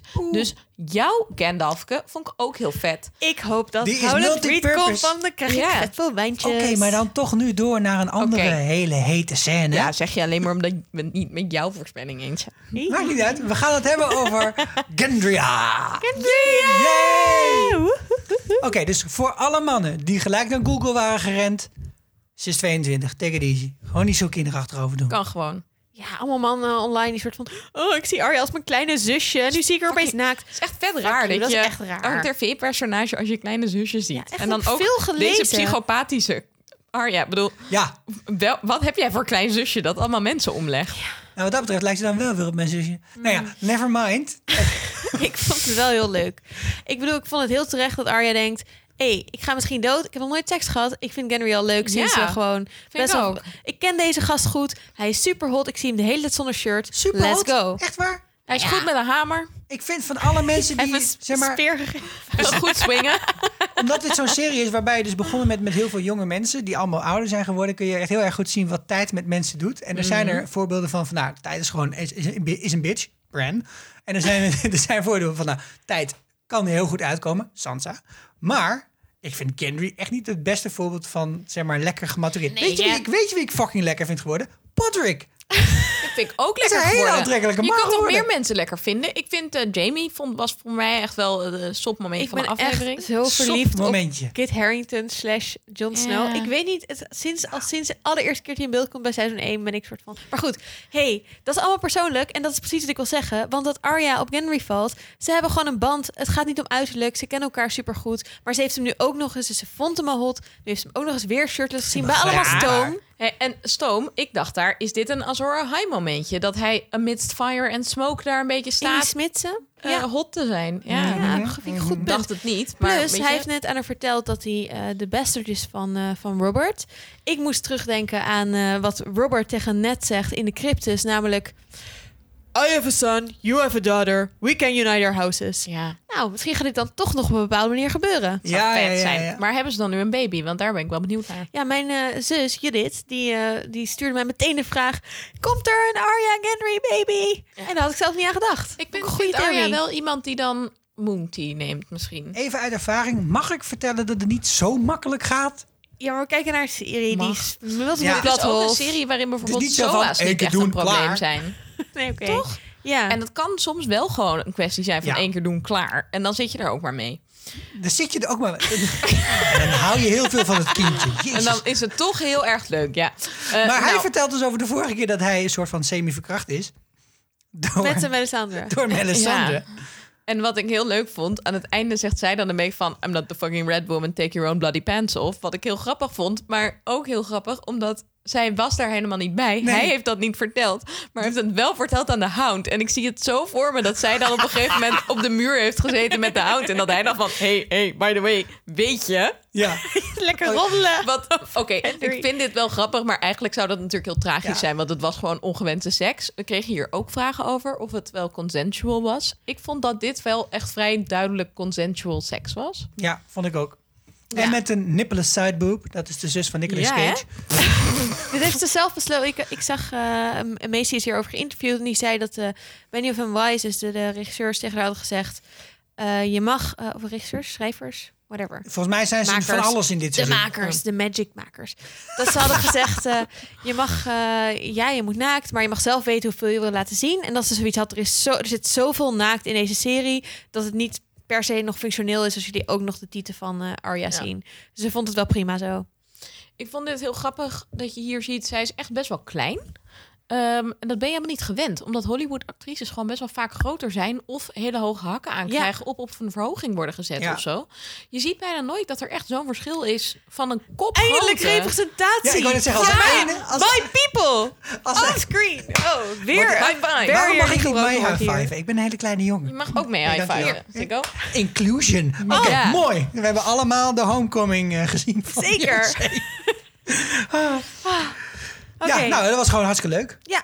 Eh, daarvoor hadden we trouwens ook nog allemaal scènetjes van mensen die soort van afscheid namen. Oh, we zien en Grey Worm en Mesander. Nou, dan gaan ze vast dood volgende scène. Ja. Ik vond het wel heel relevant hoe mensen afscheid namen. Hoe besteed je je laatste uren? Dus Arya denkt, nou, ik wil gewoon batsen. Dat is een beetje een soort van nihilistische houding van... ik ben gewoon benieuwd naar deze ervaring. Ik wil weten hoe dat is. Vond ik echt een chille move. Ja. Eh, de Hound en Barrick gaan zitten zuipen. De Hound die Barrick even afbekt was ook Dat was super chill. Overigens, die zak wijn die hij bij zich had. Ja man, Daar kun je mee douchen. ja chill. Het Echt is chill. zo, dat had je vroeger op de camping. Die kregen zo'n hele Ja, grote zwarte zak. En dan kreeg je zo'n heel klein Ja. tientje. En dan kon je dan onder de douche. Stond warm jij in je blote pik. Hè? Je was toch acht? Midden, in, midden op de camping. Dit is... Wil je daarover praten? Nou, een andere podcast. Oké, We gaan verder. Maar eh, in dat kader, we zien natuurlijk Sansa en Theon die dan onder de mensen zijn. Die eten een, een potje soep. normale mensen zijn Maar dat vond ik ook? heel goed, want dat, daar zie je weer die leider, dat leiderschap benadrukt. Terwijl Daenerys zie je helemaal niet. En dan John zit een beetje in zijn eentje de cryptus te sulken. Was De, ook een beetje zit in haar gouden badkuip. Maar het hoogtepunt van dat, dat je mensen moet zien die, waarvan je echt houdt. En oh my god, de, het is zo erg. Iedereen gaat dood. Was natuurlijk wel een beetje Missandei en Grey Worm. Vooral omdat Ja. dat karakters zijn waar ik gewoon eigenlijk nooit echt... Invested in ben. Nee, ik en ja, dat is toch wel... Dat is ook lazy writing, vind Maar het is ik. wel een beetje slecht dat dat zeg maar er zijn heel weinig niet-witte karakters Ja. en dat zij zeg maar echt best wel weinig eh Ja. eh, screentime, maar vooral weinig diepgang of verhaal Ze hebben heel weinig toch? plotlijn zelf, Ja. want ze zijn gewoon Daenerys nee, trouwe ze Dat gaan vind ik gewoon volgelingen. Ja, ik vind het een beetje problematisch. Maar ze hebben helemaal niet zelf een soort van Nee. ambitie of droom, ze zijn alleen maar soort van dienen. daar Mm. om Khaleesi te dienen. Is Ja, best ik wel dat weird. Ja. En dat vind ik niet helemaal oké. Dus eh, hier gaan de inclusion punten weer af. Ja, helaas. Ja. Maar voor eh, kleine, kleine mensen gaan we dan weer terug naar de inclusionpunten voor Liana en haar eh, cousin. Ja, chill man. Ja, dat Ja. is wel goed om even te weten. Dus Haar inderdaad, ik had het er vorige keer over. Hè. Waarom is het niet eh Ja. Jorah en Lyanna? Is er geen Mhm. eh, eh, reunion? Maar dat is inderdaad haar oom. En Ja. hij wil haar uh, oomsplenen. Eh, nee, ga jij maar lekker in de crypte zitten. Hij zegt, ja, dikke doei. Ik vecht met mijn, men- met mijn mensen. Ik heb kinderen. Ik ben getraind. Ik heb kinderen zelf getraind. Eh, ik ga dat niet doen. Ja. Ja, Gewoon ik dacht nog even van, want er waren foto's van dit, deze aflevering. En toen dacht ik nog, oh, is dit het moment waarop Jorah dan door Lyanna wordt opgedraagd? En toen hadden natuurlijk mensen ook gezegd in de appgroep, nee joh, Lyanna gaat zelf. Mensen, jullie hadden gelijk. Ja, hartstikke Fucking vet. Puntjes voor heeft wel een fucking nieuw zwaard. Het is veel te groot, dat zwaard. Dat zegt Sam ook al. Krijgt niet eens rechtop. Ook interessant. Was leuk. maar dit is echt een zwaard wat je volgens mij op een paard moet eh, gebruiken. Net als dat... Dat kan eh, Jorah, ja. Net als het zwaard van Aragorn uiteindelijk ook. Hè, dat, dat, de, de shards of Narsil Ja. die we aan elkaar gehamerd zijn. Dat is echt zo'n Ja. zwaard dat is even lang als je Zo, zo'n zo'n kliefzwaard. hey, maar gaat Jorah ook dood? Want bedoel, Ja, dat, Jorah gaat ook dood. Ja. want gaat dood. Daenerys gaat gewoon steeds meer Ja. alleen staan. Dus en Jorah, Jorah gaat, ook heel weg. lullig dood, denk ik. Ik denk dat die, Ja? ja? die, die, die valt en dan... Ik denk wel dat Daenerys hem gaat proberen te redden. En dat dat dan niet lukt. En dat ze dan echt, En echt wel is. heartbroken is. zet hem ja. ongeluk in de fik. Omdat Dat ze gewoon daardoor doodgaat. Hartsbeen heet. Oh. En dan heeft Daenerys Ja. heeft hart, hart, hartverderf. Hartsverderf. Dankjewel, Dank- Sander de Volter. Goed ingebracht. Oké, dan nog eventjes de laatste ronde en die gebeurt bij de open haard. En daar Ja, schuiven man. steeds meer mensen aan met steeds sterkere verhalen. En met steeds grotere verwachtingen van wat het leven allemaal gaat brengen. Ja. ja, dat was ook wel weer puntjes erbij, toch? Dat is ook wel weer heel erg lekker Game of Thrones. Dat hij dat eindelijk dat verhaal eens een keer gaat vertellen over hoe die...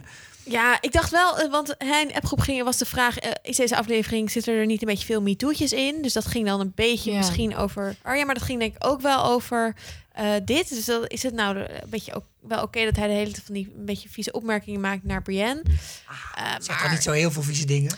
Heel eerlijk Ja, gezegd, ik weet niet. het is wel fucking is wel ongemakkelijk als je in een soort van professionele omgeving bent, waar je allebei aan het vechten bent, dat iemand de hele tijd seksuele toespelingen maakt. Hey, en dan nog heel erg creepy kijkt. Deze soort mensen van, zitten niet samen ja, op dezelfde CAO of binnenuit- zo. Nee, dat hebben ze niet. Maar dan kan het toch. Je hoeft niet in de CAO vast te leggen dat je niet seksuele opmerkingen maakt als je bijna doodgaat en dat het dan oké Nee, is. ik bedoel, het is prima op, op scherm, want we zitten in de Game of Thrones wereld. Maar als je nu nadenkt Toen hij over de, aankwam, de hè, normen... Toen hij aankwam van Last Heart, had hij net die hele tocht gedaan. Het net een van de kind aan de muur gespeeld West. gezien. En, hij komt binnen, where's the big woman? En die ogen, daar zat zoveel liefde in. Dat is zo. Hij wilde terug naar Het is heel goed bedoeld, maar je ziet ook haar ongemak als ze probeert te reageren van ik ben blij dat je hier bent om met ons te vechten en dat ze dus heel erg wil van ik wil niet jouw crush op mij bemoedigen.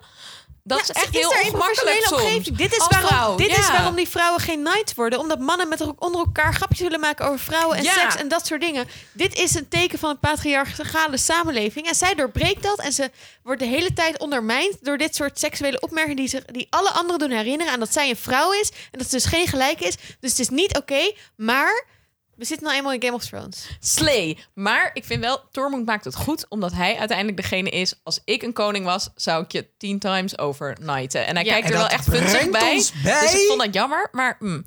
Hey dude, what the fuck, dude, what the fuck. De Westeros, what the fuck van de week. In the name of the warrior, I charge you to be brave. In the name of the father. I charge you to be just. In the name of the mother, I charge you to defend the innocent.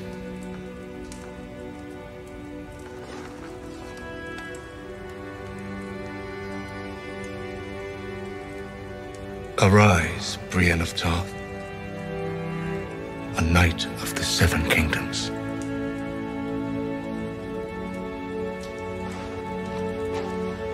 Kijk eens ja, aan. man. dit was cool. Ik vond het leuk. Jij bent een sir, jij bent een sir, ik ben een sir. What we're all stars here. Ik vond het heel mooi, dat momentje dat Brienne een beetje aarzelt. En dat ze dan naar Podrick kijkt. En dat Podrick een beetje zo knikt.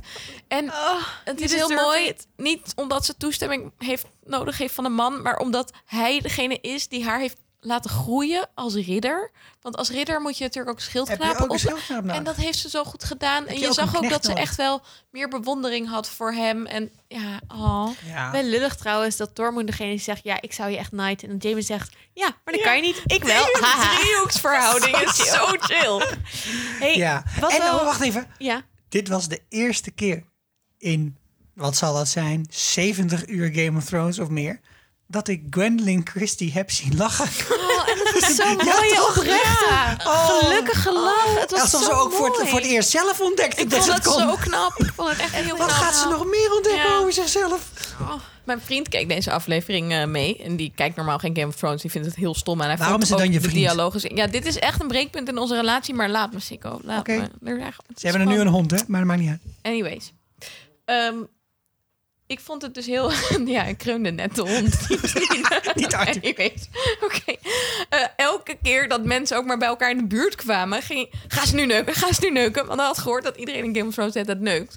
Maar dat was dus... eh, de eerste keer was bij eh, Theon en Sansa. De tweede keer was bij Grey Worm en Missandei. De derde keer was bij Jamie en Brienne. Dus elke keer moest ik zeggen... mm, nee. Er zijn wat keer van de technische technische problemen. issues. Derde keer, ja, zij is maagd. En ik weet eigenlijk niet of ze daarop zit te wachten. Want ik vind dus nog steeds niet duidelijk wat haar gevoelens zijn. Voor wie dan ook. Ik denk wel dat ze gevoel heeft. Maar ik, ja, ik weet ook niet. Ja, moeilijk. Weten wij veel. Je weet Nog- niet. Maar nu over- is, nu is Brienne a Knight of the Seven Kingdoms. Ja, Ja. en Night of Seven Kingdoms, dat is ook de titel van de aflevering. Maar het is ook het titel van een boek wat George R. R. Martin heeft geschreven. Schrijft die boeken dan? Hij schrijft boeken. Wat? Ja, Niet zoveel meer dat de laatste is de oh, nou ja, schrijver van deze hele eh, saga. Eh, en het Night of the Seven Kingdoms is een verhaal, zijn eigenlijk drie verhalen die gaan over 100 jaar voordat dit alles gebeurt. En de Night of the Se- Seven Kingdoms is Sir Duncan de Tall. Sir Duncan de Tall. En wat heel bijzonder is, is dat George R. R. Martin heeft confirmed dat eh, Brienne afstamt van hem. Wow, Wat ook wel zou kunnen dat ze daarom zo super lang is. En wat ook interessant is, is dat eh, in het lied wat we straks horen, wordt gerefereerd aan een Duncan. eh, aan een volgens mij Lord Duncan of een Prins Duncan. En dat komt omdat die Duncan waar het in het lied over gaat, is de zoon van Aegon, Egg.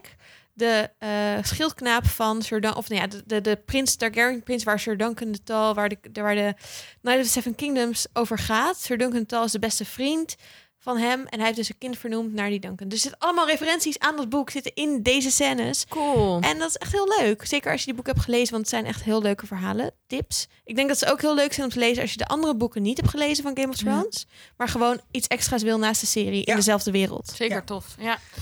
Ehm, Het was wel een interessante ceremonie, vond ik zelf. Omdat eh, hè, je hebt allemaal wel eens gehoord of gezien in een film hoe iemand geridderd wordt. Geridderd wordt en van, nou, hè, ga, ga zitten op je knieën, krijg je tik, tik, tik en hup. En, dus, en de ridders worden geslagen, in dit geval geridderd met de warrior, de father en de mother. Ja. En terwijl er zeven goden zijn in Westeros, dat vond ik een beetje apart. Maar misschien is zeven keer heen en weer ook wel heel erg vaak om te doen. Maar ik vond het toch wel heel interessant om te zien dat ze dan precies de Engelse traditie hebben genomen voor het, ja. eh, eh, het ridderen van dat ze mensen. dachten, we doen het niet zeven keer, want het is zo fucking veel werk. Maar ja, ja. het was überhaupt al best wel een, een vrij lange scène Ja. met vrij veel twijfel en hè, Ja. momentjes. Fijn dat daar de tijd voor werd We kregen hier ook nog een luisteraarsvraag. Ehm, volgens mij was die van Iris Vank. Die vroeg eh, aan ons of het relevant is dat eh Brienne nu een ridder is... of dat dat vooral symbolisch is. Ehm, ridder zijn is natuurlijk gedeeltelijk een erefunctie. Ik denk ook dat het heel erg belangrijk is. eh, als ridder kun je ook de, de zorg krijgen voor land van je koning of koningin. eh, en daar dan zorg voor moeten dragen.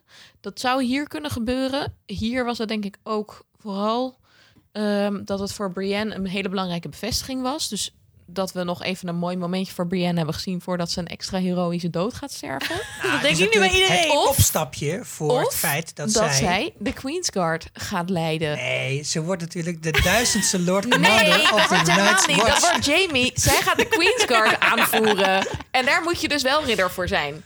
Dus, dat is het. Dat is het. Dat Oh, is het. oh, Oké, oké, oké. Dank voor de uitleg. Dan is dat in ieder geval duidelijk. Ik ben ik, bij de theorieën kunnen. Vet. hey, dat liedje. Ah, ja, ik dacht meteen... hey, gaat Pippin daar een lied zingen bij Denethor? Oh, man. Over the Edges of Night? Ik had precies dat gevoel. Heel even. Home is behind the world ahead. And there are many In the halls of the kings who are gone, Jenny would dance with her ghosts. The ones she had lost, and the ones she had found, and the ones who had loved her the most. The ones who'd been gone for so very long.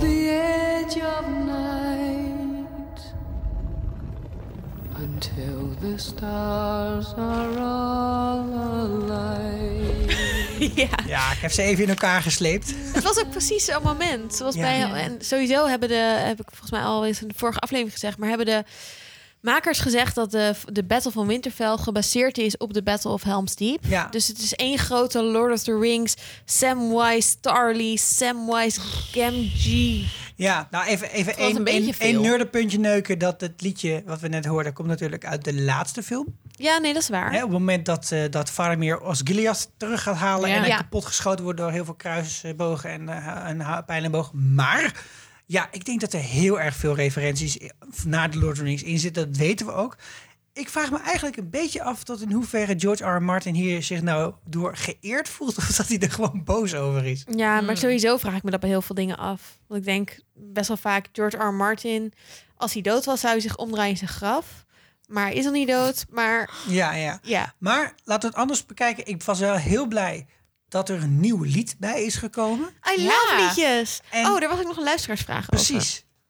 Eh, want Sven, die, die refereerde aan eh The Reigns of Castamere. En die zei, ja, die hebben we, dat lied hebben we gezien in, in een aflevering. En pas een paar afleveringen later zagen we de Red Wedding... waarin dat lied gebruikt werd voor een heel grote, eh, belangrijke scène. Zou dat het met dit lied ook kunnen gebeuren? Dat eh, we nu het lied horen en dat ergens verderop in de aflevering... nog iets gaat gebeuren waar dat lied naar verwijst.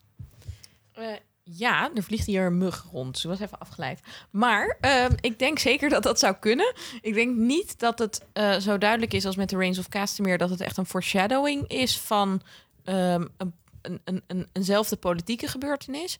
Maar wat ik heel erg vet zou vinden... en wat ik er misschien in hoorde... ehm, er wordt gezongen over ene Jenny. En Jenny die block? danced with ghosts. Jenny would dance with her ghosts. The ones she had lost and the ones she had found. And the ones who had loved her the most. En daarna, als het liedje een beetje ten einde loopt... dan gaan we naar de crypte. Aha, camera. En ik dacht dus, degene die steeds danst, is Arya. Die aan het vechten is, de water dancer. Dus gaat zij in de cryptus moeten vechten. Dat hebben we in de trailer natuurlijk gezien, dat ze heel hard aan het wegrennen is. Moet zij vechten met the ones that loved her the most. Met haar eigen familieleden. Is dit daar een soort van foreshadowing confirmed. Ja, nou, dat is denk ik de beste theorie waarmee we kunnen komen. Ja, ik denk het ook. Ja, het is verder het lied. eh, zoveel mensen hebben het lied gegoogeld dat de Wiki of Thrones, waar vet veel informatie op staat, eruit lag. Echt? Ja, Chill. nou ja, het was ook best mooi. was een mooi lied. Ja, en het, het lied verwijst naar. het- er werd gezegd in de boeken dat het lied waarschijnlijk geschreven is door Rhaegar Targaryen, Ja. dus de broer van Danny. En Ja. Danny De vader gaat van ook nog Jon. een keer in de cryptus benadrukken dat Rhaegar loved to sing. Precies. Mhm. Alsof Dus dat dat, is dan ook je meteen een goed heerser maakt. Ja. Alsof slechte heersers niet ook kunnen zingen. Of Ja, zo. ja, la, la, bom. Ja, la, la, la. Ik bedoel, Michael Jackson, mensen. Maar Oh, dat is ja. een mooi bruggetje naar de, Ja, de laatste scène. Ja, zeker. Of nou ja, de, de bijna laatste scène. Namelijk, we zijn weer terug in de cryptus. Dan zijn we terug in de cryptus. Again. En we zijn eh, met ons favoriete liefdesduo. Of nou ja, John Mhm. en Danny. Ik weet niet of dat zo is. Maar ik vond het een bijzonder goed geschreven en acteerde scène. We dat vooropstellen. Het was gewoon mooi. Het was ook echt zo van, nou, op hoeveel manieren zal die in zijn hoofd hebben afgespeeld? Hoe ga ik dit verhaal vertellen? En het werd ook vrij natuurlijk zo erin ge- eh, gereden. Wel expres denk ik dat hij echt gewoon daar is gaan staan en gezegd... stuur eventjes Danny naar me toe, dan kan ik met haar praten. En je ziet dan die ook weer hetzelfde als met eh, helemaal het begin van deze aflevering... dat Danny waarheden over de familie hè, opnieuw moet wegen. Krijgt ze dat hier weer? Mhm. En dat geldt dan in dit geval voor hun beiden. Hij geeft supergoed aan van... ik zou echt heel graag willen dat dit niet waar is. Maar het is wel waar. Ik heb het gecheckt. Ik heb het opgezocht in een boek. We hebben de Brand 9000. We hebben dit gecheckt. Het is waar. Sorry. Maar Ja. zij zegt, eh nope. Wat echt een goede callback was nadat hij zei van... hé, hey, jij hebt gehoord dat je niet zwanger kan worden. Maar hey, was dat eigenlijk wel een goede bron? Want je dat hoorde van een heks die niet echt in jouw team stond? Ja, Bronnenkritiek, mensen, is belangrijk. Dat is denk ik precies waar deze scène over gaat. ja heel diepere laag Sorry, ik heb echt last van beroepsdeformatie. Dat horen Maar jullie. de, de- het opvallende hieraan is natuurlijk de reactie van Danny. Want daar gaat het eigenlijk over. Ja, want ja. de rest van de informatie kennen we al. Het is alleen mooier verpakt. En de reactie van Danny is niet... Ik heb seks met een familielid. Maar de reactie is... Oh, dus jij denkt dat jij... De claim hebt op de Iron Throne. Ik heb Ja. hier mijn hele leven voor gestreden. Discuss. En dat is, ja, ik vind het wel eh, weer aangeven. Hè, bij Danny denk je toch wel, waarom wil je dit zo graag? Dit is je je hele leven verteld. Maar ja, moet zij niet, zou het niet heel bevrijdend zijn voor haar om eens uit de rollen die voor haar zijn neergelegd te breken? Misschien wordt ze wel veel gelukkiger met, weet ik Als veel. huismoeder. Hm. Nee, als weet ik door een bedrijf te runnen. Who knows? Nee, maar ik bedoel meer, eh, zij wil op die Iron Throne, want dat is nou eenmaal altijd al haar motivatie. Hmm. En eh, je, op een gegeven moment lijkt haar arc te zijn, ze wil mensen bevrijden. Ze, gaat- ze gaat slaven bevrijden, bla bla bla. Maar daar, daar refereert, wordt nu heel weinig aan gerefereerd. En het lijkt nu toch wel alsof ze gewoon heel het graag kan ook de niemand macht in wil. Westeros natuurlijk Ja, een bout schelen, want daar hebben ze geen slaven. Ja, dus, maar ze eh, hebben wel de, de whites die er aankomen. Die kan ook zeggen: Ik ben hier om free folk te beschermen. En dat, Ja. dat is niet alsof ze dat het zegt. Ja. Trouwens, ik dacht wel nog, jij had het net over eh Holland, Holland Reed. Die eh, kan bevestigen dat dit zo was. Hij was erbij toen eh, John geboren werd. Ik hoop echt dat dit waar gaat zijn.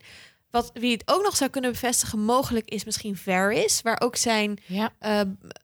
in belang, belang nog een beetje... hij, jij zegt steeds nutteloos karakter. Klopt wel een beetje. Wat doet hij daar eigenlijk nog? Ja. Eh, misschien kan hij nog op een nare manier sterven en hebben we er nog plezier aan. Maar, Hoi. maar misschien, hij is natuurlijk wel de master of whisperers. Hij wist Ja. bijvoorbeeld ook als eerste dat Danny eh, draken had, et cetera. Ja, ja, ja. dus zwanger misschien was. weet hij dit eigenlijk ook wel. Ja. En kan hij daar nog iets over zeggen? Want Ze hem Baelish wist het ook. Toch? Ja, volgens Ja. mij wel. Die heeft Nee, er die, die zeker weten. Ja. Ja. Ja. Nee, dus, Die dus daar dan zal. Varys het waarschijnlijk ook wel weten. Dat denk ik ook wel. Ik vond ook ehm, leuk om te zien dat dat groundwork voor dat Danny zo ontzettend gevecht voor de Iron Throne ook alweer even bij Sansa was neergelegd. Ja. Ze nog een keer bevestigde, dit is wat ik altijd heb willen doen. Toen werd ik super verliefd op John. Dus nu vecht ik zijn oorlog. Maar ja, dat eh, verdween toch een beetje naar de achtergrond toen ze daar in de cryptus waren. Dat dus gevoel dat had ik eh, ook. Ja. Ja, was even wat minder belangrijk. En toen waren we midden in een gesprek en werd het tijd voor... alweer. ja. ja, Drie keer is voor witte, witte lopers. dat vond ik ook wel jammer dat dat zo werd uh, afgekapt. Ja. Ik heb meerdere keren in deze aflevering gedacht... nou, het is een goed moment om te beginnen. En dit was natuurlijk het meest spannende moment. Dus we zijn hier begonnen. Volgende week krijgen we de slag om Winterfell. Ja. ja. Daar lijkt het op te, op te lijken. Spannend. En eh, aan de gaan, rand... we, gaan we daar dan eh, toch, want we zagen hem niet aan het einde eh, bij het leger staan. Dat maar is gaan een- we daar ja. toch de Night En dat is een luisteraarsvraag. van Thomas in de app. En die vroeg Ja. inderdaad... hey, eh, ik zie allemaal paarden met eh, mannen met baarden. Oh, wil de kapen varen. Maar ik zie geen Night King. Ja, ik dacht wel, ik, ik geloof Bran hier wel in. Hij gaat eh, proberen Bran te pakken. Ja, maar Dus waarom laat hij dat niet gewoon oplossen door Fox Force 5? Ja, omdat de Night King heeft toch eh, de, het mark. Dat heeft niet eh, iemand anders. Nee, maar er, goed. is, eh, er is ook een theorie dat ehm, de eh, Night King de, zijn leger gebruikt als een afleidingsmanoeuvre. Yes. Dat eh Winterfell wordt aangevallen, dat de Night King ondertussen op de draak naar King's Landing vliegt. En even King's Landing helemaal gaat. Dat hij al die, misschien wel al die wildfire eh, eh, eh, voorraden gaat bevriezen. ja. Eh, dat hij allemaal dingen, of misschien wel laat ontploffen. Dat hij Cersei bevriest. Misschien, stel je voor, dit gebeurt. Ze verslaan de eh, leger bij Winterfell. Night King is ondertussen naar King's Landing. Heeft daar een fucking groot leger van doden gemaakt. Iedereen daar gaat dood. En onder leiding van. Cersei als een soort Night Queen... komt nu vanuit het zuiden een nog veel groter leger Ja. aan. En iedereen gaat dood. Er zijn superveel redenen om Kan, te denken dat theorie. dit zou kunnen. Namelijk, als je even logisch nadenkt, zou je zeggen: Oké, ik heb een draak. Daar zijn twee draken. Misschien dat dat dan gewoon dat gevecht niet aangaat. Dan ga je even iets anders doen. We hebben visioenen van Bran waarin we een draak boven King's Landing zien vliegen. Maar we zien alleen de schaduw van de draak. Dus het zou net zo goed ook een ijsdraak kunnen zijn. Eh, Danny heeft ooit visioenen gehad dat de hele troonzaal in de fik staat. En dat er sneeuw ligt. En dat ze de troon wil pakken, maar hem toch niet neemt. Waarom is die troonzaal kapot? Was dat een visioen voor de toekomst of was het een droom? We weten het niet zeker. Waarom is Bron ineens weg uit King's Landing? Waarom zijn er allemaal mensen Is onderweg? Bron weg uit King's Landing? Ja, want hij, gaat, hij is op pad gestuurd om Jamie Het zou en kunnen dat hij dan wel overleeft. Als ze terugkomen van de Ja, maar ik weet vrij zeker... Misschien is hij al op een paard en dan komt hij halverwege de Trident. Ziet hij ineens... Hé, er vliegt een draak. Kut. Kut, Zou kut, zomaar kut, kut, kunnen. kut, kut, kut, kut. Kut. Ik wil dit. Ik wil sowieso dat dit gebeurt. Ik wil ook dat de draak dan de Golden Company bevriest. Want dan zijn ze de Silver Company. Oh Omdat- Ik wil dit. En wat ook nog zou kunnen gebeuren, nog even een voorspellingje voor de volgende aflevering. Danny, we hebben het al een paar keer gezegd, ze twijfelt, ze voelt zich alleen, eh, iedereen is tegen me. En nu zelfs John. Ehm, misschien stel dat, ze, dat het nou best wel slecht gaat, die battle. Dat ze op een gegeven moment denkt, weet je, Waterboys. I'm out. Ja, Ik vlieg gewoon weg met mijn draakje. Dikke doei. het zou prachtig zijn. Ik denk in termen van mensen die wel wat hulp kunnen gebruiken, zoals Danny, willen we het ook even over de donaties hebben. Want. Ja. het was deze week weer een kelkend feest. We hebben gouden munten gestrooid op onze redactie. Nee, dat klinkt voor professioneel. Helemaal niet. Nee, Nee. Maar we willen wel bedanken Johan uit Amsterdam. Die doet een kleine bijdrage in de hoop dat we Guido kunnen invliegen voor een aflevering. Oh mijn god, moeilijk. eh, Stay Johan. tuned, Johan. En een anonieme donatie. Fantastische podcast, maar ik blijf graag anoniem. Eh, verder nog een donatie van Marle en van heer Kaan. Nou, hartelijk dank allemaal. Hartelijk dank. Zeker, dankjewel. Als jij wil doneren, dan kan het ook. Het is super fijn. We gebruiken de donaties voor eh, bijvoorbeeld ons SoundCloud-abonnement. We hebben hier microfoons en draden en dat soort dingen, waardoor het geluid Website. beter is geworden. Website. Eh, mij lijkt best wel handig om een soort van tas te hebben waarin we al die shit kunnen vervoeren, want dat is nu steeds best wel gedoe. Het wordt zo praktisch op een gegeven moment. Ja, dus eh, eh, wil je doneren en helpen dat we het maken van deze podcast iets makkelijker is, want we verdienen hier niks aan. Dat geld gaat absoluut niet naar ons op een manier, Eh, maar allemaal in een betere podcast. Dan kan dat. Dan kan je naar onze website gaan. Je kan ook op eh, wat is het? Facebook kan je op het winkelwagentje klikken. Shoppen, geloof ik. shoppen. Shoppen, shoppen. Ja, op Je kan ons mailen. eh, We kunnen je een tikkie sturen. Het kan op heel erg Heel veel, veel manieren. manieren. En Zeker. we vinden het leuk. En je mag er ook een boodschap bij vertellen. En dan gaan we die voorlezen. Zoals we dat hebben gedaan. Zojuist. En een ander onderwerp wat we nog moeten bespreken is natuurlijk...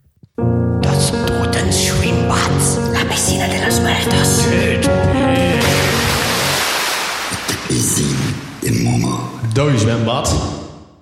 Ja, en het dode zwembad van deze week is nog steeds eigenlijk best wel leeg. Maar we hebben wel iemand die bovenaan staat in het dode zwembad. En die gaan we nu even bellen. Yay! Boa tarde, Guido. Ah nee, serieus Guido, ben je al helemaal Portugees geworden? Hey, Sico. hey, we zitten hier met de hele crew. Hallo! Hey, Aluna. Hey. Esther, hoor ik jou ook? Ja, ja, ja. Hoi! Hallo. Hallo. Hallo, wat leuk dat jullie bellen. ja. We bellen je even met wat brandende vragen. Ah, is dat zo? Ja, we snappen Gaat nog het steeds over Game niet... of Thrones toevallig? Ja, ja, ja. Kijk je het eigenlijk nog? Eh, soms, soms. Soms? En, we, we, we hoorden dat de uitzending eh, was gelekt in Duitsland. Maar heb je ook eh, Portugal Prime, Amazon? Eh, nee, we hebben wel gewoon eh, HBO hier. En dat is Oh. niet zomaar gebonden aan eh, Ziggo. Dat kan je gewoon overal krijgen. Wow, chill. Belangrijkere vraag. Heb je vandaag een pastel de nata gegeten? Vandaag niet. Nee.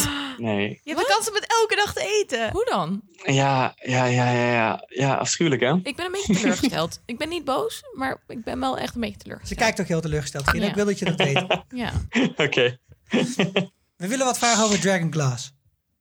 Dragonglass, Hoe ja. werkt het Ja, nou? ja, dat Kun je het komt zo smidsen? voor hè, in deze afleveringen. Veel, heel Nou ja, veel. ehm, eh, mijn theorie, zoals eh, jullie misschien weten, is dat Dragonglass eigenlijk drakenpoep is. Oh, Ehm, ja, ja. De Dragonglass, dat wordt vooral gevonden op Dragonstone, hè? Ja, dat hebben we vorig En seizoen gezien. Waar, ja, precies. En waar wordt dat nou gevonden? In tunnels. Ja. Niet zomaar ergens. In tunnels, zeg maar plekken waar draken ook al zouden gaan, naartoe gaan om te poepen. Waar een vulkaan Right. heeft gezeten. Maar deze theorie, daar, daar hangt een luchtje aan, vind ik eerlijk gezegd. Waarom zou een draak gaan poepen in een tunnel als hij gewoon vliegend kan poepen? Zoals je in een vliegtuig gewoon je uitwerpselen zo dan een beetje oplossen. Nee, dat doet echt pijn als je het op je hoofd krijgt. Inderdaad, ik bedoel, die draken, dat, dat zijn intelligente dieren. Hè? Die, Ja, eh, die waar. doen dat echt niet als Die ze weten normen. dat daar ehm, mensen of dieren dood aan ergens in kunnen een gaan. tunnel zitten waar dat vet gaat stinken? Oké. Ja, ik weet niet, het, zijn- het zijn een soort vleermuizen volgens mij. Dus die gaan gewoon lekker in die tunnels. Hangen ze en die gaan, die gaan daar ondersteboven hangen en die poepen daar. Want ik weet niet, ik heb nog nooit... een- Weet je waar het allemaal heen gaat? Ik Ja, heb er heb je zichzelf een heen. enorme aanbijen Ja, maar het is krijgen hard, van. hè? Het is super. Oké, oké, maar... In ieder geval. ja. Dus ehm, mijn theorie is dat, eh, dat het is eigenlijk dus eh drakenpoep. Want wij hebben nog nooit een draak zien poepen. Maar we Eh, hebben ook en ik niemand denk anders dan Tywin Lannister zien poepen. Wil dat zeggen dat alle andere En ik mensen heb het ook niet fysiek poepen? uit zien komen bij Tywin. Nee, goed punt. Eh, mijn andere theorie is dat zeg maar Dragonglass is eh, op Dragonstone is dat Dragonglass gebleven. Ehm, maar King's Landing waren ook heel veel draken Ja. in, ehm, in de Dragon Pit. En daar hebben ze dat Dragon, Dragon Pit. Alle Dragonglass die die draken daar hebben uitgepoept. Dat was er natuurlijk ook heel veel. Hebben ze, daar hebben ze dat eh, veranderd in Wildfire. What? What? Oh. Ja, Wildfire is verwerkte dra Dragonglass. Oh, Ehm, van ja, waarschijnlijk door het. eh, ja, een soort van kunstmest, ja. ja een soort van fertilizer. Oké, Ehm, Chemisch proces. cool. met Maar- een bepaald proces hebben ze dat omgezet in Wildfire. En daarom is er zoveel Wildfire in King's Landing en nergens anders. Maar sorry, maar Cool. als je dan zeg maar die shit gaat smelten om er allemaal wapens Shit. van te maken. ja, die shit gaat smelten, ja. ja. Eh, dan krijg je niet een soort van tussenfase waarin het wildfire is en dan wordt het weer. st- Of ik, bedoel, ontploft. ik vind het maar. Sorry, ik vind het hele. Ja, als, als wat ze doen met dat Dragon Glass vind ik echt heel weird. is een soort TNT moet het dan worden. Ik vind dit een crap-theorie. Maar Guido, serieus. vertel ons, vertel, geef ons uitsluitsel. Wat is het nou? Is het nou ijzer? Is het staal? Is het glas? Wat is deze shit? Nou, het is glas. Het is glas. Eh, Maar waarom ja, het kun is je een het dan smitsen? van. Eh, nou, ja, dat lijkt me dus ook heel moeilijk. Daarom zijn er ook maar een paar mensen die dat kunnen, zoals. Henry boy. Oké, oké, oké. Hey, en dan verder, die, die, die pointed stick die Arya heeft gekregen. Wat is hier nou bijzonder aan? Eh, nou ja, wel, ik heb daar lang en hard over nagedacht. En een paar dingen vielen me op. Niemand gelooft je. En het, het eerste is dat, zeg maar, Arya komt eraan met die tekening. Maar ik bedoel, als ik zo'n technische tekening zou krijgen, zou ik daar niet heel blij mee worden. Er staan geen maten op. Eh, is- het, zeg maar, Dragon Glass staat maar op één van de twee kanten aangegeven. Ja. Terwijl volgens mij uiteindelijk die stok aan beide kanten Dragon Glass is. Maar het stond maar aan één van de twee kanten. Nou, in ieder geval, uiteindelijk blijkt het dus een staf te zijn. Wat niet heel gek is, want ze heeft daarmee leren vechten bij de Faceless Man. En, ja, dat eh, vond ik de leukste scènes. Ja, ja leuk. Hè? Was echt Ja, een geweldige verhaallijn dat. Echt van En ze heeft ook grote respect voor de vechters uit Doorn, die ook ehm, die eh, speren gebruiken. Oké, dat, dat waren mijn dus favoriete scènes. Ja, ja, ja, twee geweldige verhaallijnen waren dat. Ehm, maar op de tekening lijkt die staf uit elkaar te kunnen gaan. Ja, Dus wat ik denk, is dat eh, die staf kan uit elkaar. En als je dan, dan heb je dus twee gedeeltes. En in het gedeelte waar die staf eruit komt, kan zij die dolk instoppen. Heb ik toch in de vorige Dus- aflevering uitgelegd. Ja. Ik wil, bedoel, jullie zitten hier allemaal aan te doen, maar Dit is een gilly momentje. totally call dit. Ja. ja. Ja? Maar- ja. Nee, ja, dat is oké. Maar, Guido, ehm, je was van weinig extra nut in Nou. deze uitzending. Dat maakt niet uit. Dan nog Maar even het deze, wordt wel vet, denk ik. dan nog Eh, even deze vraag. Ja, dat wordt sowieso En het vet. Sikko ook vet snel, dus we Ja. kunnen ook niet meer zeggen dat... Helaas, je bent Oh ja. totaal overbodig. Heb je nog zin in het moment dat Nymeria het, de Battle of Winterfell komt redden? Ja, dat komt er sowieso. We hebben het al gezien hè, in de trailer. Ja. Je zag eh, wol wolvenvoeten zag je rennen. Ja, en ja. Namir komt eraan met een wolvenleger. Maar Guido, Yes. waren het levende wolvenvoeten of waren het direwolves of ice? Oh. Mm. Guido, krijg jij nog heel veel eh, drank van ons als dat gebeurt? Wolvenleger? Nou ja, mijn voorspelling was wel dat Arya op de rug van Namiria zou zitten Oh ja. en dat leger wolven zou aanvoeren. Oh, Ja. dat is waar. Dus, maar het kan nog steeds eh, gebeuren. Het kan ehm, gewoon gebeuren. Een half kratje bier zou ik accepteren. Oké, nou volgens mij is het Nou, alles of niet. je, Hey, we- maar ja. Arya kan wel op de rug van Nymeria zitten, maar als je kijkt naar hoe groot Ghost is in deze aflevering, is dat moment dat John op Ghost gaat zitten er eentje wat, ja, maar waar- wat niet meer heeft gaat komen, gevangen toch? gezeten. En draken in Ja. gevangenschap groeien helemaal niet snel. En wolven dus ook niet. Hoe weten we zeker dat hij gevangen heeft gezeten? Hij heeft toch gewoon... de hele tijd in een kooitje gezeten. Hoe in, weet je in dat de, nou? Alleen omdat jij jouw hond in een kooi doet, Bij betekent niet dat iedereen Black dat doet. heeft hij dat gezeten. En is Ghost, was Ghost ook niet gevangen toen bij, hoe heet die gast ook weer, Craster? Bij Craster moest Ja, hij daar heeft hij ook in de Nou kooi dan, gezeten. dat heeft zo'n Ja, ja, ja. ook belemmerd. nog rond kunnen lopen door Nee, de dit Noord. heeft een groei Wat vindt Guido belemmerd. hiervan? Ja, Nou, ik, ik vond het heel leuk dat hij er weer was, maar ik vond het erg jammer dat hij maar zo'n kleine cameo kreeg. ja. Ja. en dat kostte gelijk En- 23 miljoen euro, wist je dat? Niemand had het erover.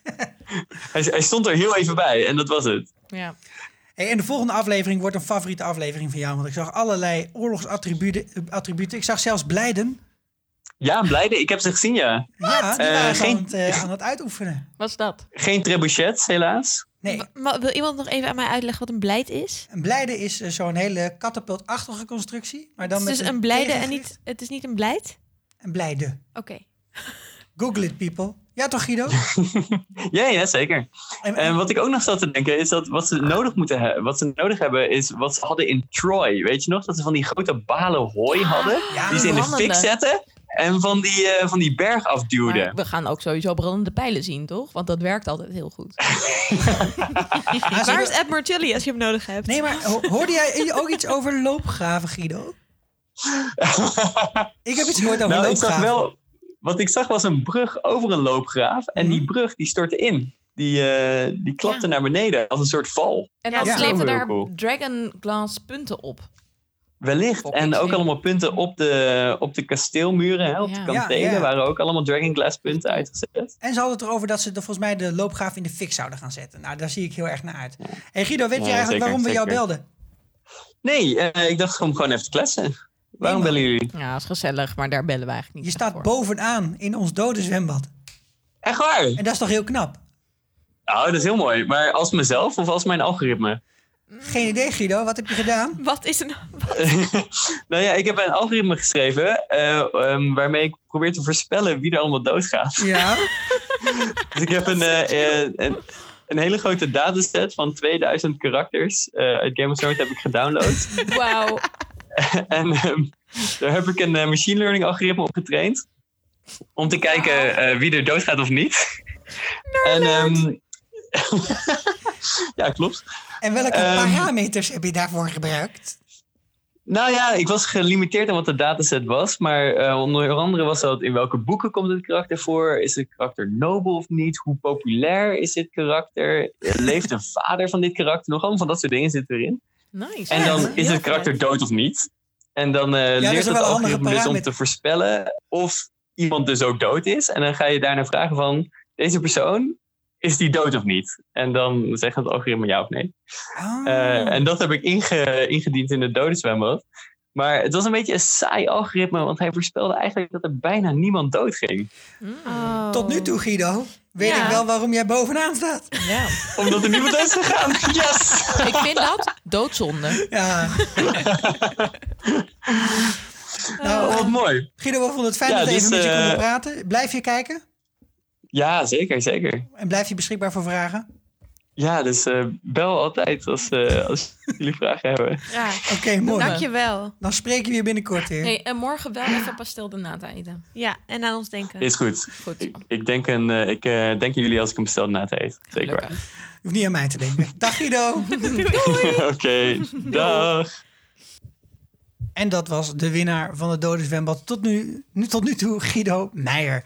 En- uit Lissabon. Ja, voor de mensen die het niet weten, Guido heeft heel vaak meegedaan met de podcast in de eerste paar seizoenen. Gewoon een oprichter. Ja, hij is de oprichter van de podcast. Founding member. je Founding kunt hem terugvinden in al onze oude podcastafleveringen. We hebben er inmiddels wel een stuk of 60, denk ik. Ze beginnen bij seizoen 6. Als je elke week een aflevering wil luisteren. Maar ook van alle eerste vijf seizoenen zijn inmiddels selectief gekozen afleveringen bepodcast door ons. En er zijn natuurlijk ook specials voor de liefhebber. Goed, we willen nog even bedanken voordat we eruit gaan. Tim van de Rode Lantaarn, die het prachtige kabeltje heeft gegeven waarmee we Guido konden inbellen. Yay, dat was super dank je handig. Tim. En het was hartstikke makkelijk om te editen achteraf. Super chill, dankjewel. Goed, dit was een fris en vurig liedje voor deze week. Wij maken ons op voor de, voor de strijd om Winterfell. Spannend. Het ik wordt heb er een zin in. enorme aflevering. Wordt die ook even lang of wordt die langer? Weet Volgens mij wordt die langer. langer, toch? Ja. Ja, dus Yes. Zoveel mensen gaan dood. find your popcorn en find the couch. wie had gedacht dat we twee hele afleveringen door zouden komen met één dode? Ja, dat is echt. Fucking oh, net dat heb ik Amber. trouwens nog helemaal niet gezegd. Maar dit is echt een van de weinige, al dan niet de enige aflevering waarin we letterlijk niemand dood zien gaan. En niemand doodgaat. Dat is echt, volgens mij seizoen 1 één keer gebeurd. Het is een unicum. En verder, dus anders waren er nog wel de ouders van Olly of zo. Weet je wel, iemand die dan niet, niet een belangrijk persoon. shit maar waar je dat niet om is echt geeft. super exceptioneel. Ja. Ja. cool. Nou, daarom vond ik een kut aflevering. We gaan eruit. Dit was een fris en note, vurig liedje voor deze week. awesome. We zien jullie volgende week weer. Mijn naam is Sikko. Ik ben Annaluna. Ik ben Esther. En tabé. Doei.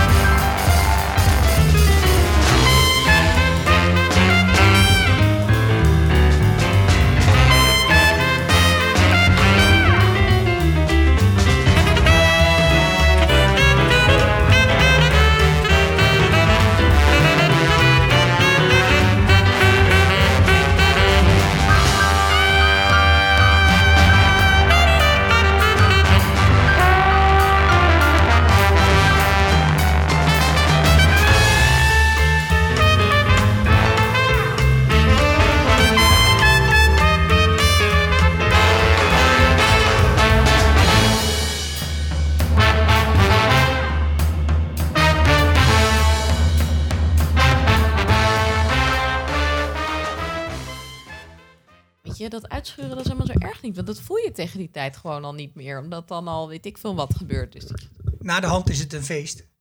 Precies. Ja, Oké, leuk. ehm, genoeg over vervallingen. Zullen we beginnen met opnemen? Ring, ring, ring, ring, ring, ring, ring. Banana phone. Ring, ring, ring, ring, ring, ring, ring. Banana phone. Weet je nog dat je dan vroeger zo'n telefoon, zo'n ringtone had die dan een, een liedje in Ja. die bliepjes afspeelde? dat was echt amazing. En dat je die dan bij MTV kon kopen voor 1 euro. SMS nu. En daarna kreeg je die kikker. Ring, ring, ring, ring, Oh my god, dat was kut. Oké,